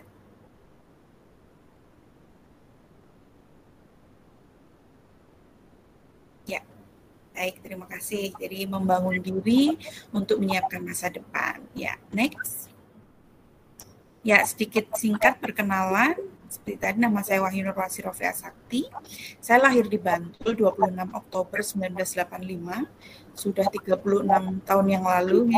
Uh, saya tinggal di Sidomulyo, Babang Mipuro itu Kapanewon kalau dulu kecamatan. Uh, ini nomor telepon saya 0818521775, alamat email saya uh, get.rofi@gmail.com. Nah, nanti kalau misalnya ada uh, pertanyaan atau apa itu nomor telepon terbuka untuk umum silahkan kalau misalnya mau menghubungi. Baik, selanjutnya ya uh, kita mau masuk nih terkait dengan masa depan. Sebetulnya teman-teman uh, di sini membayangkan masa depan atau apa sih yang dibayangkan tentang masa depan? Apakah terkait karirnya atau terkait dengan perasaan yang ingin diraih atau uh, kebahagiaan gitu atau berupa materi. Nah, ini pasti masing-masing orang mempunyai bayangan sendiri-sendiri tentang masa depan. Di uh, Google Meet di situ ada room chat gitu. Room chat mungkin uh, teman-teman bisa juga nih menulis di room chat apa sih bayangan masa depan teman-teman atau kalau misalnya berbicara tentang masa depan apa sih yang ada di dalam bayangan teman-teman gitu apakah cita-cita karir atau uh, pengen bahagia gitu. Apa pun uh, pekerjaannya nanti saya pengen bahagia gitu. atau lebih ke materi. Mungkin coba teman-teman bisa uh, menuliskan di room chat. Yang yang apa namanya yang offline yang ada di tempat mungkin bisa juga uh, diwakilkan oleh panitia ya apa apa bayangan teman-teman tentang masa depan. Ya sambil teman-teman menuliskan apa sih uh, yang dibayangkan oleh teman-teman ketika uh, bilang atau membicarakan tentang masa depan. Apakah lebih ke karirnya atau ke perasaannya atau wah besok saya ingin masa depan saya pengen cerah. Nah, cerah itu seperti apa? Mungkin bisa dituliskan di room chat. Nah, ini nanti buat kita bahas nanti. Oke, selanjutnya ya, next. Ya, apa pun uh, yang teman-teman bayangkan atau apa yang apa pun yang teman-teman pikirkan tentang masa depan, baik karir, kemudian uh, apa perasaan bahagia atau apa tadi atau wah materi wah masa depan saya saya memimpikan masa depan yang banyak uang misalnya atau memimpikan masa depan yang penuh cinta atau masa depan yang selalu bahagia gitu. Apa pun uh, bayangan teman-teman jangan lupa bahwa masa depan kita itu juga akan dihadapkan dengan uh, situasi dunia yang juga akan mungkin berubah seperti mungkin seperti saat ini saat ini ada pandemi. Mungkin ada yang belum membayangkan atau mungkin tidak terbayangkan sebelumnya kita akan menghadapi pandemi. Nah, hanya orang-orang yang mungkin adaptif, yang mungkin eh, apa namanya mempunyai karakter yang bisa dengan mudah beradaptasi ini akan lebih kuat atau lebih bertahan. Nah, ini yang jangan lupa bahwa apa yang kita impikan sekarang, kemudian ingin kita capai di kemudian hari, ini juga akan dihadapkan pada situasi dunia yang mungkin juga berubah, tidak seperti sekarang ini. Itu yang kita tidak boleh lupakan. Jadi eh, apa hal-hal yang sifatnya menabung itu jangan hanya menabung materi, tapi juga mempersiapkan diri bahwa dunia yang akan kita hadapi mungkin tidak akan seperti sekarang ini. Oke, okay, next. Lanjut. Nah, untuk itu kita harus mulai berinvestasi. Nah, apakah investasi itu harus atau selalu berupa uang atau berupa materi? Apakah investasi itu sesuatu hal yang sifatnya materi yang besok eh, di masa depan kita bisa buka nih, buka tabungannya gitu. Atau investasi sebetulnya bisa dilakukan dengan cara apa? Gitu ataukah apakah hanya sekedar uang atau materi saja? Next. Ya. Nah, untuk saat ini mungkin yang sudah teman-teman uh, lakukan, investasi yang sudah teman-teman lakukan adalah teman-teman mengikuti pendidikan, melakukan pendidikan, itu investasi yang besar. Investasi yang sebetulnya tidak tidak akan pernah rugi gitu ya, tidak akan pernah rugi. Sesuatu hal yang kecil itu pasti akan ada uh, pembelajarannya, akan ada ilmu yang didapat. Misalnya seperti mengikuti webinar saat ini. Meskipun nanti pulang, waduh, tadi apa yang diomongin ya, saya nggak, uh, soalnya putus-putus nih suaranya gitu, atau karena saya online nggak bisa hadir di sana apa ya, tapi tetap aja ada yang bisa uh, apa pelajaran yang diambil atau ilmu yang diambil. Misalnya, uh, oh yang kemarin-kemarin saya selalu pakai Zoom, nah sekarang ini kita pakai Google Meet gitu. Itu juga suatu pengetahuan tambahan. Atau misalnya oh, eh, biasanya saya kalau belajar eh, ketemu cuma sama teman satu kelas nih gitu. Tapi dalam webinar ini kita bisa eh, berkumpul beberapa kelas atau malah justru ini ada dari beberapa sekolah. Jadi pasti akan ada suatu hal yang baru yang kita pelajari eh, dari suatu eh, apa kegiatan atau atau suatu peristiwa. Jadi pendidikan ini adalah investasi yang tidak mungkin rugi gitu karena pasti kita akan mendapatkan uh, sesuatu hal yang uh, baru. Nah, tujuan pendidikan saat ini mungkin uh, tidak hanya sekedar supaya seseorang atau siswa itu menjadi tahu akan sesuatu atau hanya untuk mengetahui sesuatu tapi uh, tujuan yang paling besar adalah bagaimana membangun karakter seseorang gitu ya. Membangun karakter seseorang. Jadi uh, tujuan pendidikan yang paling utama sebetulnya adalah bagaimana karakter itu terbentuk. Apakah karakter itu menurun, turunan gitu, atau menular, atau ini memang harus diupayakan. Nah, karakter ini memang harus diupayakan, harus diusahakan ada. Nah, ini yang harus mulai diinvestasi mulai dari sekarang. Karakter-karakter yang uh, bagus yang akan mendukung kita uh, menuju masa depan kita yang akan menghadapi perubahan dunia yang mungkin belum kita bayangkan. Selanjutnya, nah kalau di uh, PMI ya di Palang Merah Remaja, teman-teman uh, mendapatkan materi tentang kepalang merahan, kepemimpinan, pertolongan pertama, donor darah, kemudian ayo siaga bencana, perilaku hidup bersih dan sehat, kesehatan remaja. Jadi ada tujuh materi pokok. Apakah di sini hanya sekedar eh, teman-teman uh, supaya tahu, oh tahu caranya menolong gitu, tahu caranya donor darah atau tahu caranya uh, apa namanya kesiapsiagaan bencana sebetulnya tidak hanya sekedar itu, tapi tujuan dari materi-materi ini adalah karakter yang dibentuk. Misalnya nih, seperti pertolongan pertama. Pertolongan pertama tujuannya tidak hanya sekedar eh, apa namanya anggota palang merah bisa eh, memberikan pertolongan pada orang yang eh, mengalami perdarahan, tapi tidak hanya sekedar itu. Yang dibangun adalah kalau orang mau melakukan pertolongan pertama itu yang dibangun adalah jiwa uh, yang pertama empati. Seseorang itu harus punya empati nih. Kalau misalnya nggak punya empati, nggak nggak ditumbuhkan empatinya, ada orang yang jalan jatuh, kita cuman oh jatuh sakit nggak, cuman gitu doang, langsung pergi. Atau kadang malah kita bercandaan ya, ada yang orang jatuh udah tahu jatuh, eh harus jatuh loh gitu. Kita sering seperti itu gitu. Nah, justru sebetulnya eh, karakter-karakter atau jiwa-jiwa yang bagus itu yang harus ditumbuhkan. Lain lagi misalnya kayak pertolongan pertama tadi empati, kemudian eh, apa belajar tidak egois gitu ya. Eh, misalnya yang seharusnya wah ini seharusnya saya harus makan nih gitu. Ya.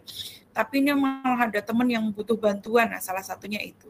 Kemudian eh, misalnya materi tentang apa uh, perilaku hidup bersih dan sehat.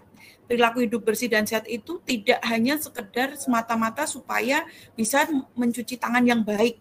Oh, urutan cuci tangan seperti ini. Tidak semata-mata itu.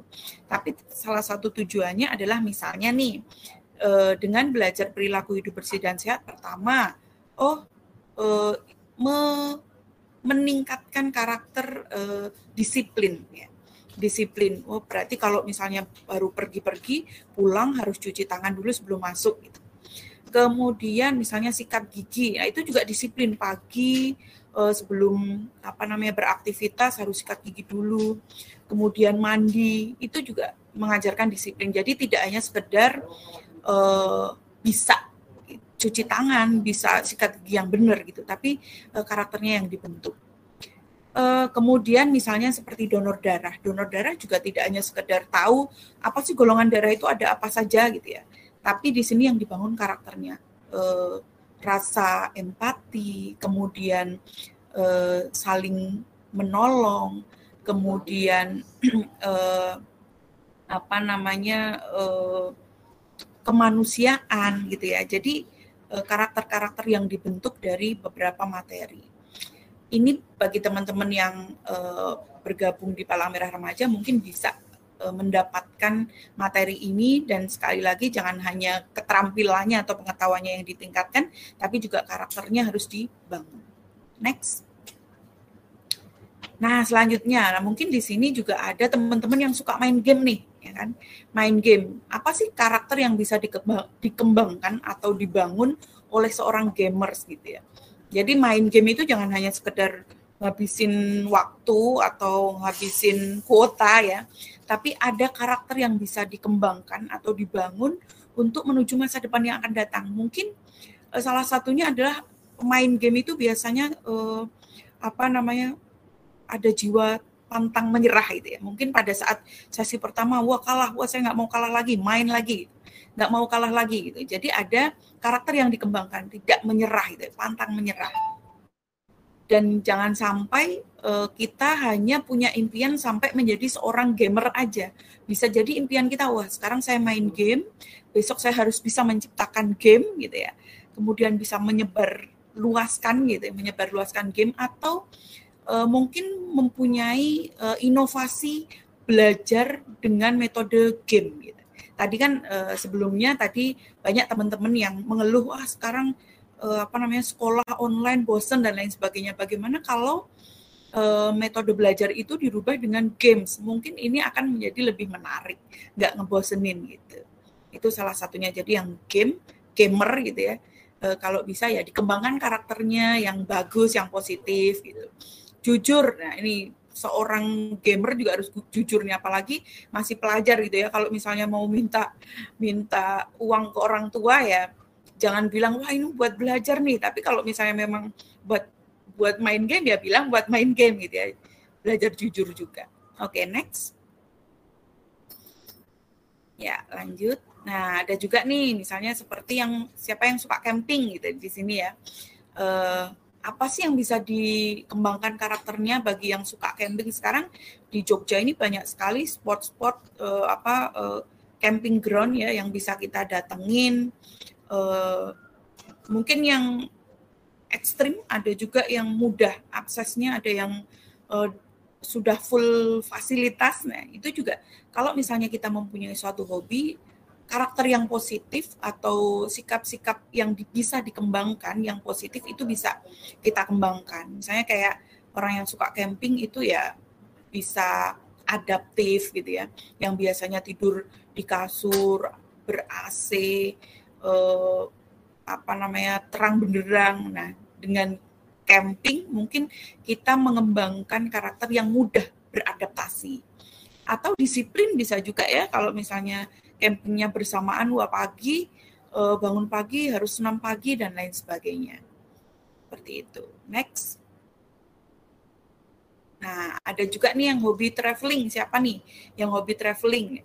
Di sini juga mungkin ada karakter-karakter yang positif yang bisa dikembangkan uh, dengan traveling. Travelingnya yang yang benar-benar traveling ya kita benar-benar bisa nyari tempat sendiri itu melatih kita berkomunikasi dengan orang bagaimana kita bersosialisasi dengan orang baru itu beradaptasi. Nah ini karakter yang bagus yang bisa dikembangkan. Jadi hobi jangan hanya sebagai apa ya sesuatu hal yang kita lakukan saja tapi kalau misalnya ada karakter yang memang bagus bisa dikembangkan kita kembangkan. Seperti itu. Next. Nah ini pilihan kita. Apakah kita akan melewatkan masa muda kita hanya dinikmati saja, menikmati game, camping, main, traveling dan lain sebagainya, ataukah eh, aktivitas-aktivitas uh, itu akan kita jadikan suatu uh, apa namanya jalan untuk investasi. Investasinya ya berupa karakter, membangun karakter atau membangun sikap yang uh, bisa kita mulai sejak dini. Kalau saya sih memilih investasi ya tentunya uh, dengan kita investasi karakter-karakter, investasi uh, apa namanya sikap sikap-sikap yang yang kita tumbuhkan sejak dini itu akan sangat bermanfaat untuk masa depan kita. Uh, masa depan yang mungkin uh, kondisinya tidak terbayangkan sebelumnya. Seperti itu. Next. Nah, ada beberapa hal yang bisa kita lakukan untuk uh, apa namanya berinvestasi uh, untuk masa depan kita dalam artian yang bukan materi ya di sini lebih ke membangun sikap, membangun karakter sejak dini. Yang pertama yang bisa kita lakukan adalah next. Yang pertama kita mengenali diri kita sendiri. Kita mengenali diri kita sendiri, apa sih yang kita sukai, apa yang tidak kita sukai, kelebihan kita apa, kekurangan kita apa, Eh, kita tertarik pada apa dan kita tidak tertarik pada apa itu kita harus mengenali diri sendiri. Jadi uh, harus bertanya nih apa sih yang uh, saya sukai dan apa yang tidak saya sukai, apa yang menjadi kelebihan saya, kekurangan saya, apa sesuatu yang membuat saya uh, apa tertarik gitu dan apa sesuatu hal yang membuat saya tidak tertarik itu bisa kita uh, tanyakan pada diri kita sendiri. Kita mengenali diri kita sendiri. Dengan begitu ya kita tahu uh, apa yang bisa dikembangkan dan apa yang bisa kita kurangi. Next. Ya, berikutnya setelah kita mengenali diri sendiri, kita mengenali lingkungan. Uh, sesuatu hal yang mendukung dan tidak mendukung. Apa yang mendukung dan apa yang tidak mendukung atau peluang apa saja di lingkungan kita yang bisa kita ambil. Kemudian tantangan yang mungkin dihadapi. Jadi mungkin saya punya keinginan yang kuat, tapi tantangan yang harus kita hadapi mungkin ada di sekitar kita.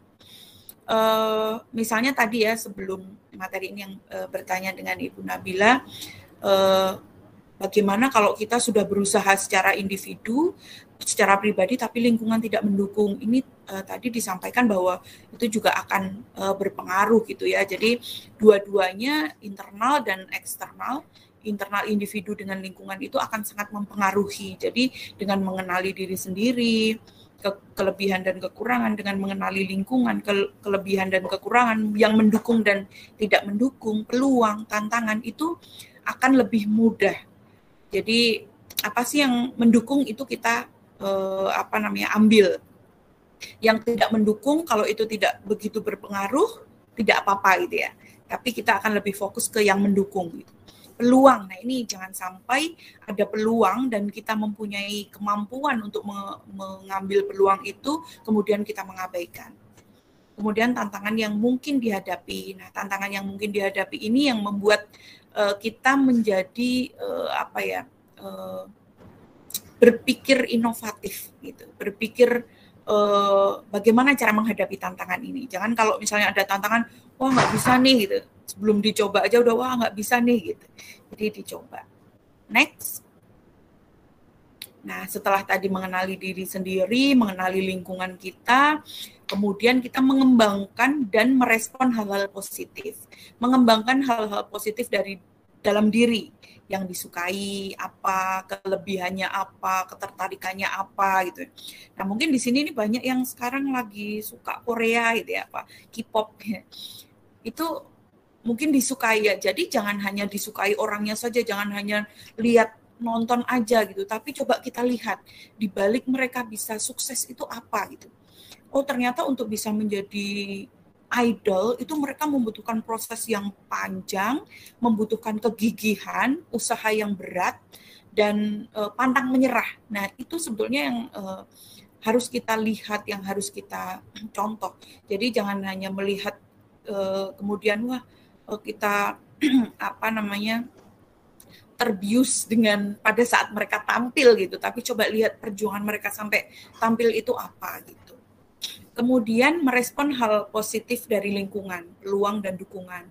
Jadi kalau misalnya tadi setelah kita menganalisa eh, apa namanya lingkungan kita peluang-peluang dukungan itu kita respon dengan baik. Jadi eh, usaha kita, upaya kita mengembangkan apa yang sudah positif di dalam diri, kemudian kita mengambil peluang, nah itu yang eh, apa namanya investasi untuk menuju ke masa depan. Seperti itu. Uh, next. nah, setelah itu uh, kita meminimalisir atau mengurangi hal-hal negatif dalam diri. Jadi fokus ke pengembangan diri. Kalau misalnya merasa, aduh saya itu orangnya suka menunda-nunda pekerjaan gitu. Aduh saya itu males gitu. Aduh uh, misalnya saya itu kurang uh, apa namanya kurang responsif atau saya itu kadang kalau misalnya ada uh, apa ada tugas uh, suka ah, nanti dulu nanti dulu misalnya. Nah, sebetulnya dengan teman-teman bisa memahami uh, kekurangan diri itu sudah satu langkah untuk uh, merubah hal negatif itu menjadi positif. Berbeda dengan orang yang tidak tahu bahwa itu adalah hal negatif gitu atau orang yang tidak tahu bahwa itu kekurangan loh gitu, jangan dipelihara gitu. Tapi dengan kita tahu kekurangannya, ke kekurangan kita itu sebetulnya sudah satu langkah lebih baik untuk perubahan yang baik seperti itu. Nah, setelah fokus pengembangan diri, tadi merubah kelemahan menjadi kekuatan. Kalau misalnya kita sudah tahu kelemahan kita, eh, kita berusaha bagaimana yang tadi kelemahan-kelemahan itu kita rubah menjadi suatu kekuatan atau kita rubah supaya kita tidak menjadi seperti itu lagi dan menuju ke yang positif. Jadi itu beberapa hal eh, langkah-langkah yang bisa kita lakukan. Jadi intinya adalah kita melakukan investasi sejak dini. Investasi sejak dini tidak hanya sekedar atau terkait materi, tapi investasi di sini lebih pada uh, investasi uh, karakter, sikap yang membuat kita menjadi lebih uh, adaptif, lebih mampu untuk menghadapi uh, kondisi uh, di kemudian hari gitu. Jadi tidak hanya sekedar kita uh, apa namanya investasi materi banyak, wah aku mau investasi materi aja deh gitu. Kalau misalnya aku kaya raya gitu pasti masa depan cerah gitu. Padahal kita tidak tahu masa depan yang akan yang uh, apa namanya yang akan terjadi itu seperti apa. Jadi harus uh, seimbang usaha-usaha kita uh, dari dalam diri kita itu harus diimbangi juga dengan uh, karakter atau sikap adaptif yang ya yang kita harus siap menghadapi masa depan yang mungkin belum kita bayangkan kondisinya akan seperti apa. Ya, mungkin itu uh, teman-teman uh, yang bisa disampaikan. Jadi apa pun yang teman-teman sekarang baru tekuni atau apa pun yang teman-teman baru lakukan saat ini, ingat ambil eh, karakter-karakter yang bisa dikembangkan yang positif, yang itu bisa diinvestasikan untuk masa depan. Apa pun itu pasti ada yang positif dan itu yang dikembangkan.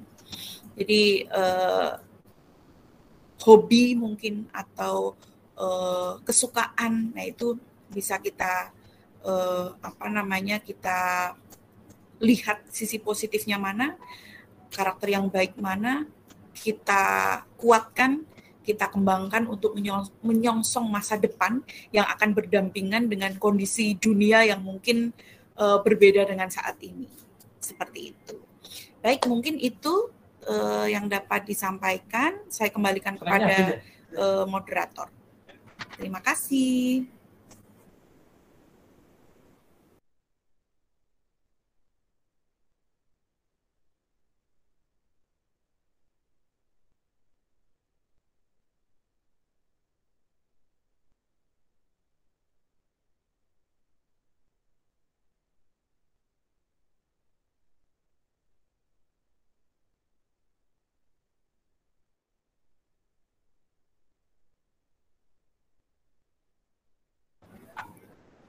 Suaranya belum terdengar, mungkin mikrofonnya belum aktif ya.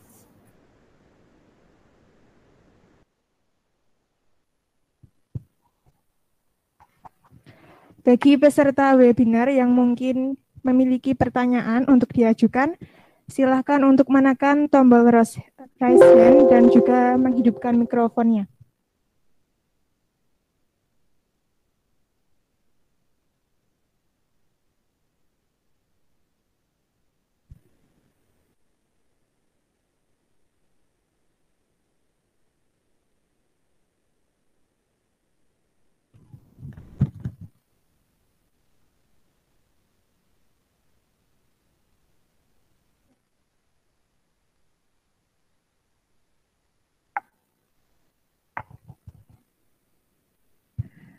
Perkenalkan, saya Anindita dari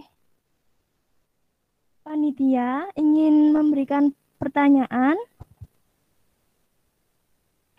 Kira-kira apa yang dapat dilakukan dalam mengembangkan potensi yang ada pada generasi penerus bangsa sebagai calon pemimpin bangsa yang bertanggung jawab?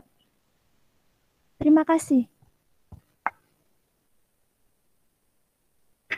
Iya, baik. Terima kasih pertanyaannya. Jadi uh, apa sih yang bisa kita kembangkan gitu nggih uh, karakter karakter karakter saat ini untuk menyongsong atau untuk menjadi pemimpin yang bertanggung jawab. Nah, sekarang ini pas banget nih teman-teman. Uh, sekarang teman-teman belajar di rumah gitu nggih.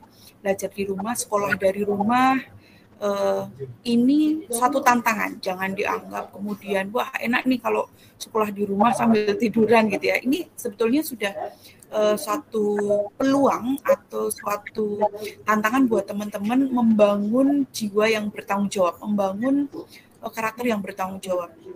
Uh, ketika teman-teman uh, diberikan pulsa nih sama orang tuanya, ini uh, kuota untuk belajar ya gitu ya.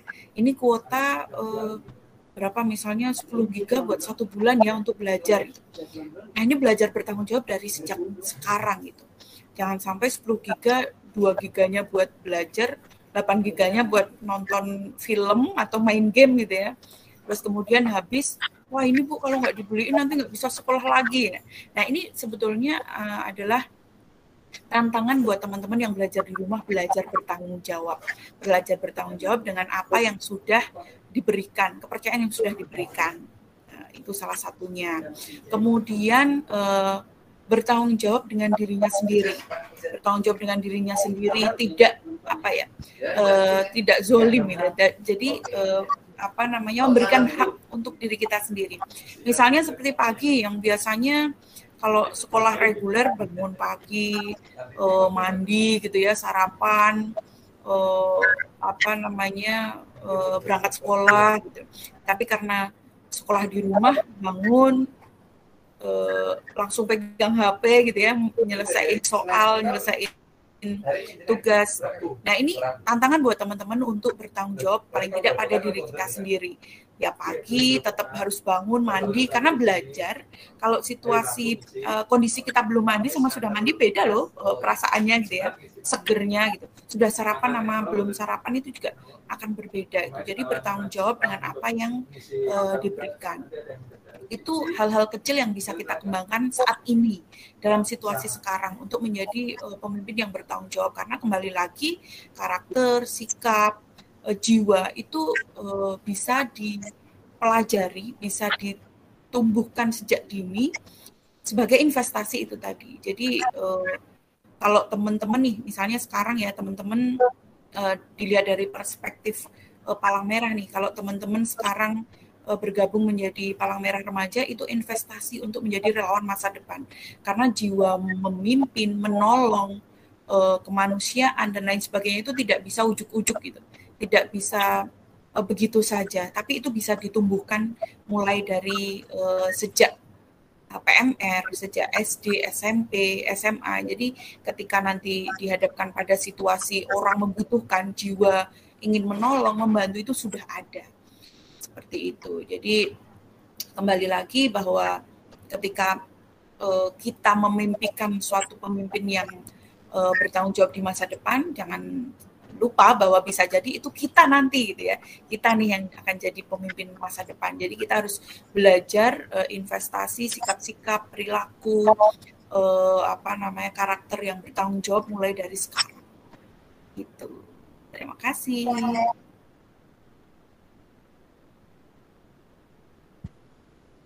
Baiklah, mungkin dari peserta webinar yang lain, saya berikan kesempatan kembali untuk bertanya Silakan untuk menekan tombol raise hand dan juga menghidupkan mikrofonnya.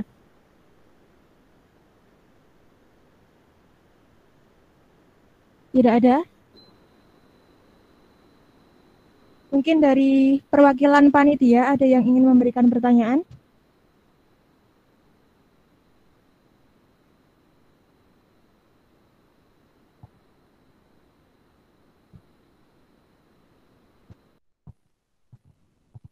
Perkenalkan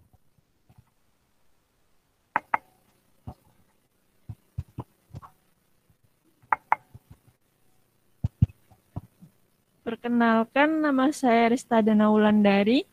Ingin menanyakan cara apa yang efektif untuk melawan rasa pesimis mengenai masa depan selain percaya diri. Terima kasih.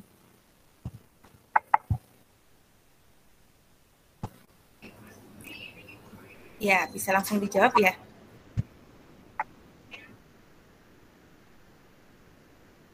Ya. Silakan kepada Ibu Rofi untuk menjawab pertanyaannya. Ya, bagaimana uh, menumbuhkan jiwa optimis berarti ya, kalau untuk menghilangkan rasa pesimistik gitu ya. Uh, selain dengan percaya diri, ya tentunya hanya dengan percaya diri saja mungkin tidak cukup, uh, tapi percaya diri itu harus diimbangi dengan uh, kemampuan. Kemampuan itu bisa bersifat pengetahuan, keterampilan, atau sikap yang uh, menunjang gitu. teman teman-teman mungkin tadi saya minta untuk menuliskan apa sih bayangan teman-teman atau uh, bayangan teman-teman tentang masa depan teman-teman. Tapi sepertinya belum ada yang menuliskan di chat kolom chat. Nah, dibayangkan saja gitu, dibayangkan saja apa uh, apa namanya apa yang menjadi bayangan teman-teman tentang masa depan. Karirkah atau uh, kondisi atau perasaan yang diimpikan seperti apa? Coba dibayangkan. Apakah dengan hanya dengan percaya diri saja itu bisa saya raih gitu? Atau perlu dengan meningkatkan pengetahuan, meningkatkan keterampilan, meningkatkan sikap untuk me, me, apa namanya meraih uh, masa depan itu. Tentunya itu akan saling berhubungan atau saling melengkapi. Jadi teman-teman selain teman-teman mempunyai percaya diri, tapi biasanya per percaya diri itu tumbuh karena teman-teman sudah memiliki bekal merasa percaya diri karena sudah wah saya sudah banyak belajar, pengetahuan saya sudah cukup, keterampilan saya sudah memadai seperti itu. Jadi itu harus bersamaan. Uh, fokus pada misalnya kayak uh, seperti teman-teman naik motor atau teman-teman bersepeda itu uh, kalau ada tujuannya, teman-teman memikirkan tujuannya ke mana. Gitu. Tujuannya ke mana? Kalau misalnya tujuannya ke, oh saya mau bersepeda atau naik motor ke pasar, tentunya jalan yang akan ditempuh adalah jalan yang menuju ke pasar, gitu kan. Oh kalau misalnya mau ke pasar uh, ada uh, kita lewat jalan besar, berarti saya harus pakai helm nih saya harus pakai jaket karena panas ya. Jadi kita tentukan tujuan kita, kemudian kita tahu jalan yang mau kita tempuh mana dan apa saja yang harus kita lengkapi untuk mencapai tujuan itu. Itu yang penting. Jadi teman-teman punya impian dulu atau punya bayangan, teman-teman punya tujuan, kemudian teman-teman menentukan jalannya, apakah jalan yang saya uh, akan tempuh itu cukup hanya dengan percaya diri saja gitu ya. Misalnya kayak mau naik motor, wah saya pede, saya naik motor aja yang penting nyampe itu tapi coba kita lihat apakah tujuan itu hanya akan bisa kita raih hanya dengan percaya diri saja. Nanti kalau misalnya di jalan, wow ada polisi gitu ya, nggak uh, pakai helm gitu, atau ada uh, terik matahari misalnya, waduh ternyata panas nggak jadi, nah kita nggak nggak sampai deh pada tujuan kita. Jadi jangan sampai uh, jangan lupa selain kita meningkatkan kepercayaan diri kita, kita juga punya bekal pengetahuan, keterampilan yang memadai dan juga sikap yang mendukung, terutama sikap adaptif. Karena kita tidak tahu uh, dunia kita ke depan itu seperti apa kondisinya. Seperti sekarang ini kondisi pandemi tidak terbayangkan mungkin beberapa puluh tahun yang lalu. Nah, uh, bagi yang mempunyai uh, apa namanya jiwa adaptasi tinggi mungkin sekarang bisa survive seperti itu. Oke, itu. Terima kasih. Terima kasih kepada Ibu Rofi. Untuk pertanyaan yang ketiga, yaitu pertanyaan yang ketiga yaitu dari Ibu Martini. Pertanyaannya adalah bagaimana menjadi guru dan orang tua yang asik di masa pandemi ini? Banyak siswa protes karena banyak tugas, sementara mereka hanya sibuk bermain dan bagaimana cara mengedukasi mereka? Terima kasih. Wah, ya, terima kasih Ibu atas pertanyaannya. ini mungkin dirasakan oleh ini ya, oleh banyak guru gitu ya.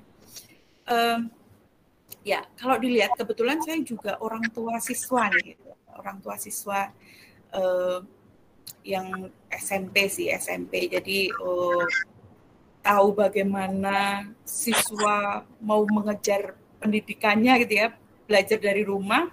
Tahu juga nih uh, beberapa guru yang wah ini kita udah berusaha seperti ini tapi kayak kayaknya anak-anak nggak serius nih gitu ya kedua-duanya.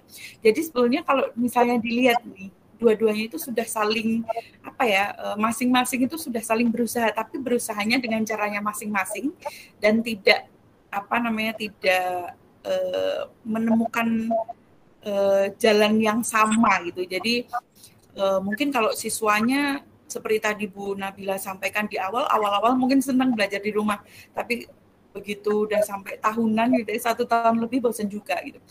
Guru mungkin juga seperti itu. Jadi uh, apa sih yang bisa dilakukan? Mungkin bisa di sebelumnya bisa dikomunikasikan, bisa uh, apa namanya di misalnya grup kelas atau uh, grup sekolah apa sih yang uh, metode atau apa sih yang bisa kita lakukan nih supaya uh, belajar kita menyenangkan seperti itu. Karena kalau misalnya kita berpikir dari perspektif kita mungkin berbeda dengan perspektif anak-anak. Begitu juga uh, rasa senangnya anak-anak mungkin berbeda dengan rasa senangnya uh, guru gitu. Jadi kedua-duanya mungkin bisa dikomunikasikan.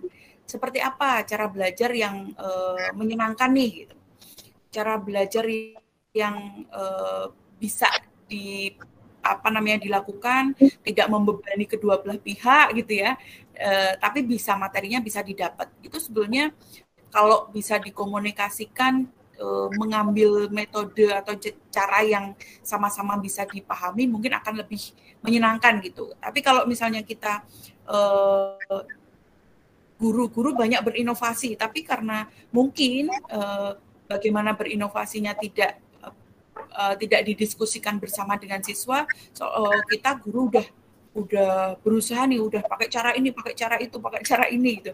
Tapi kok nggak diterima gitu atau uh, siswanya ini kenapa jadi semaunya sendiri gitu. Tapi ketika itu nanti didiskusikan bareng, bagaimana kalau metodenya seperti ini atau mungkin uh, anak-anak ada metode lain nggak itu? Kalau itu sudah menjadi kesepakatan, kalau salah satu nanti me, apa namanya uh, mengingkari ini gimana kemarin kan kita udah sepakat dengan metode seperti ini.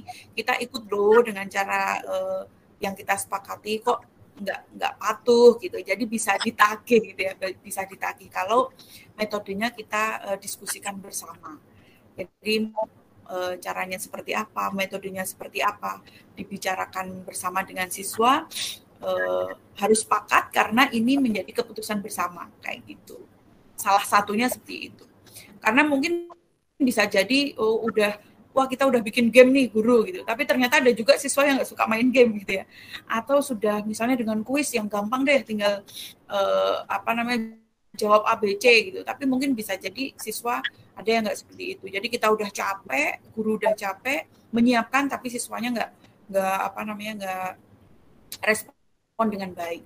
Tapi mungkin dengan dikomunikasikan akan tahu apa sih sebenarnya yang diinginkan siswa uh, kemudian uh, disepakati bersama kalau salah satunya nanti uh, tidak melaksanakan kesepakatan ya tinggal ditagih aja gitu mungkin itu ibu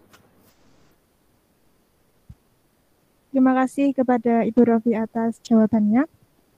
Baiklah, sesi tanya jawab kita cukupkan sampai di sini. Terima kasih atas materi yang telah disampaikan.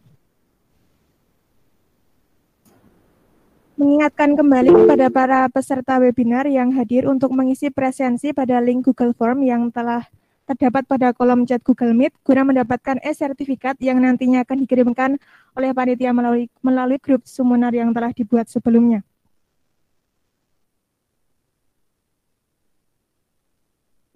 Baiklah, Tak terasa kita telah sampai pada acara yang terakhir yakni penutup. Saya mewakili seluruh panitia yang bertugas memohon maaf apabila selama dalam memandu acara pada sore hari ini terdapat banyak kesalahan kata maupun perbuatan yang kurang berkenan. Dan saya mengucapkan terima kasih kembali kepada para narasumber dan peserta webinar yang telah ikut berpartisipasi pada acara kali ini. Jangan lupa untuk selalu menjaga pola hidup sehat, menerapkan protokol kesehatan kapan pun dan di mana pun Anda berada guna memutus rantai penyebaran virus COVID-19. Terima kasih, salam sehat, wassalamualaikum warahmatullahi wabarakatuh.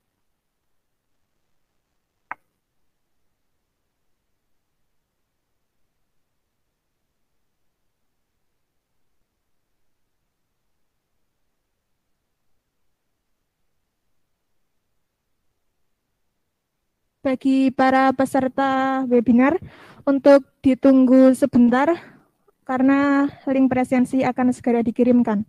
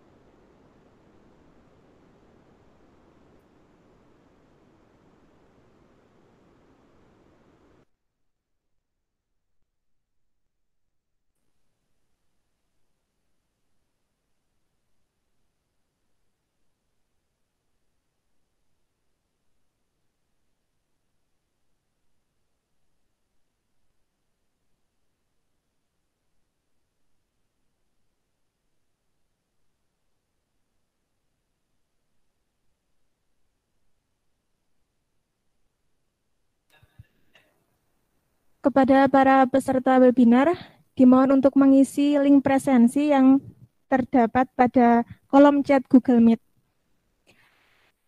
Kami berikan waktu kurang lebih 10 menit untuk mengisi presensinya. Terima kasih.